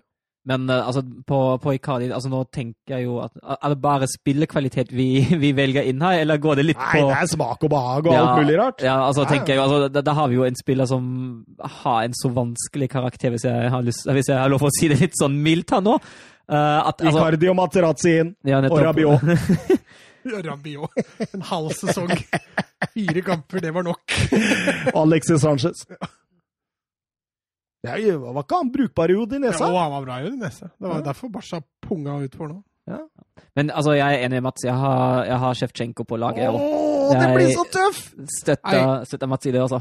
Ja, altså nummer to, så altså, Det er utrolig kjipt. Jeg har, jeg har så lyst til å ha Del Piero inn på laget. Eh, Det var favorittspilleren min i Serie A lenge. Men eh, hvis jeg må velge, så da, da ender jeg jo på Totti. Kan ikke vrake Totti. Man kan ikke vrake Totti, og vi har vraka en annen Roma-legende i Daniele De Rossi. Så eh, for å ikke få Roma-fansen helt trøkt over, eh, over oss nå, så tar vi legenden eh, Totti. Han, han er vel den tredje mest skårende i serien. Eller fjerde mest skårende, eller andre mest, nest mest. Et, han er i hvert fall langt, langt der oppe. Og ja, jeg er helt enig at han må med. Hvor mange må han skåre? 250 eller noe sånt? Ja, 250 Serie A-mål. Ja. Han har årets spiller hele fem ganger. Det går ikke an å ikke ta han med. Nei, men jeg, det er derfor jeg sier altså, Del Piero, som var min favorittspiller, ofrer jeg for Totti, for jeg veit hvor bra han var. Nei, du ofrer ham for Sjevtsjenko, syns jeg. Altså, Du ofrer ham ikke for Totti, for Totti må inn. Ja, men det må. Sjevtsjenko har. Når var det sist altså, Når var det sist Italia hadde en så bra nummer ni, ja? Selv om han var nummer sju. men, men, hør, da. Hør, da. Altså, nå, Jeg veit Di Natale har vanvittige stats. ja, Di Natale har eh, vanvittige stats, men, eh, men, men hvis vi ser bort fra Di Natale, da, ok, så tar vi Del Piero, Sjevsjenko. ok? Skal jeg lese litt. Del Piero, eh, 93 til eh, 2012 i Juventus. 513 Serie A-kamper, 208 mål. Seks Serie A-titler, Champions League-triumf, VM 06. Årets spiller to ganger, toppskårer én. Bøttevis med individuelle priser. Sånn som nummer to og nummer tre i Ballon de Sjev- Sjevsjenko han har kun sju sesonger i AC Milan. Har 208 kamper eh, og 127 mål. Han gikk jo tilbake etter Chelsea-fiaskoen Ja, og fikk 18 ikke. kamper og null mål. To ganger toppskårer, én gang Serie A-vinner. Vinnende og tapende finalist i Champions League. Bøttevis med individuelle eh, priser. Men uh, nå Jeg, jeg syns Alessandro Del Piero er tyngre, altså. men på nå, nå, Men det kommer på jeg- de statsene, Hva av det var på 2000-tallet, hva var på 90-tallet? Hva da? Adel Piero, Nei, det var jo det, det var jo tolv sesonger etter 2000 og sju sesonger før 2000. Da. Man var jo eksepsjonell på 2000 og utover. Han var jo med i Juventus nede er Del Piero vi prater om? Ja. Altså, hvis du Jeg er såpass glad i Del Piero at jeg la, la meg bøye hvis du vil ha med han. Men, men hør. Hvis vi flytter Sanetti tilbake Hør, da. Sanetti tilbake på høyrebekk. Så kjører vi inn Så da, da ryker Tyram. Da Ja, det er greit for meg. Ja. Så kjører vi Del Piero ned på høyrekanten, som er litt sånn skeiv, så litt sånn innover eh, høyrekant. Og så kjører vi Totti og Sjevtsjenko på topp. Høres veldig bra ut. Støttes. Det er, det er, det er fint, det. Det var jo det laget jeg hadde med i. altså, jeg, Eneste forskjell er at jeg har Nedved på høyre og Del Piero på venstre, for jeg vil heller ha innoverkanter. Men så er det det laget. Ja, unntatt Kaka, da. Så jeg har ti av de Hvem hadde de istedenfor Nei, Kaka? Jeg husker ikke som jeg var blokka ut, men jeg hadde ikke Kaka. Du hadde ikke Kaka? Nei. Nå er du svar skyldig. Ja, jeg husker ikke. Hvis jeg finner igjen hvis Jeg, jeg sava jo ikke, så det Du må alltid save CM. Ja, før kampene, ja! kan du spille kampen Men det var rett etter en kamp, vet du, så jeg hadde ikke sava. Vet du hva, gutta? Eh, nå, skal jeg, eh, nå skal jeg være så lystig og, og si til dere at vi er på 1 time og 57 minutter. Vi er altså under to timer, gutta! Wow! Når du får lest opp laget og sånn, så er vi over. Lest opp laget? Du har ikke lest opp Jo, oi, oi, oi, oi, oi, oi. Da har vi Allstar-laget i eh, Serie A. Fra 2000 og utover. Buffon i mål. Sanetti høyrebekk. Nesta, Canavaro midtstoppere. Maldini venstrebekk. Vi har Alessandro Del Piero på en eh, innover eh, høyre Litt mer sentralt, litt inn sånn fri rolle. Vi kaller det fri rolle. Kakao og Andrea Pirlo som sentrale. Vi har Nedved ut venstre. Totti og Andrej Sjevtsjenko på topp. Ja, jeg tror ikke vi får noe sånn at vi er pro United på den, i hvert fall. Det kommer kanskje nå. Ja, det er United-podcast, det der. Dere måtte de. Eller eh, kanskje Chelsea, siden vi fikk inn Sjevtsjenko. Ja, det kan godt Fantastisk. Nei, nå må vi avslutte, så er vi faktisk under to timer her. Det hadde vært så utrolig moro Ja. en gang. Greit. Adjø. Ha det godt. Ha det bra!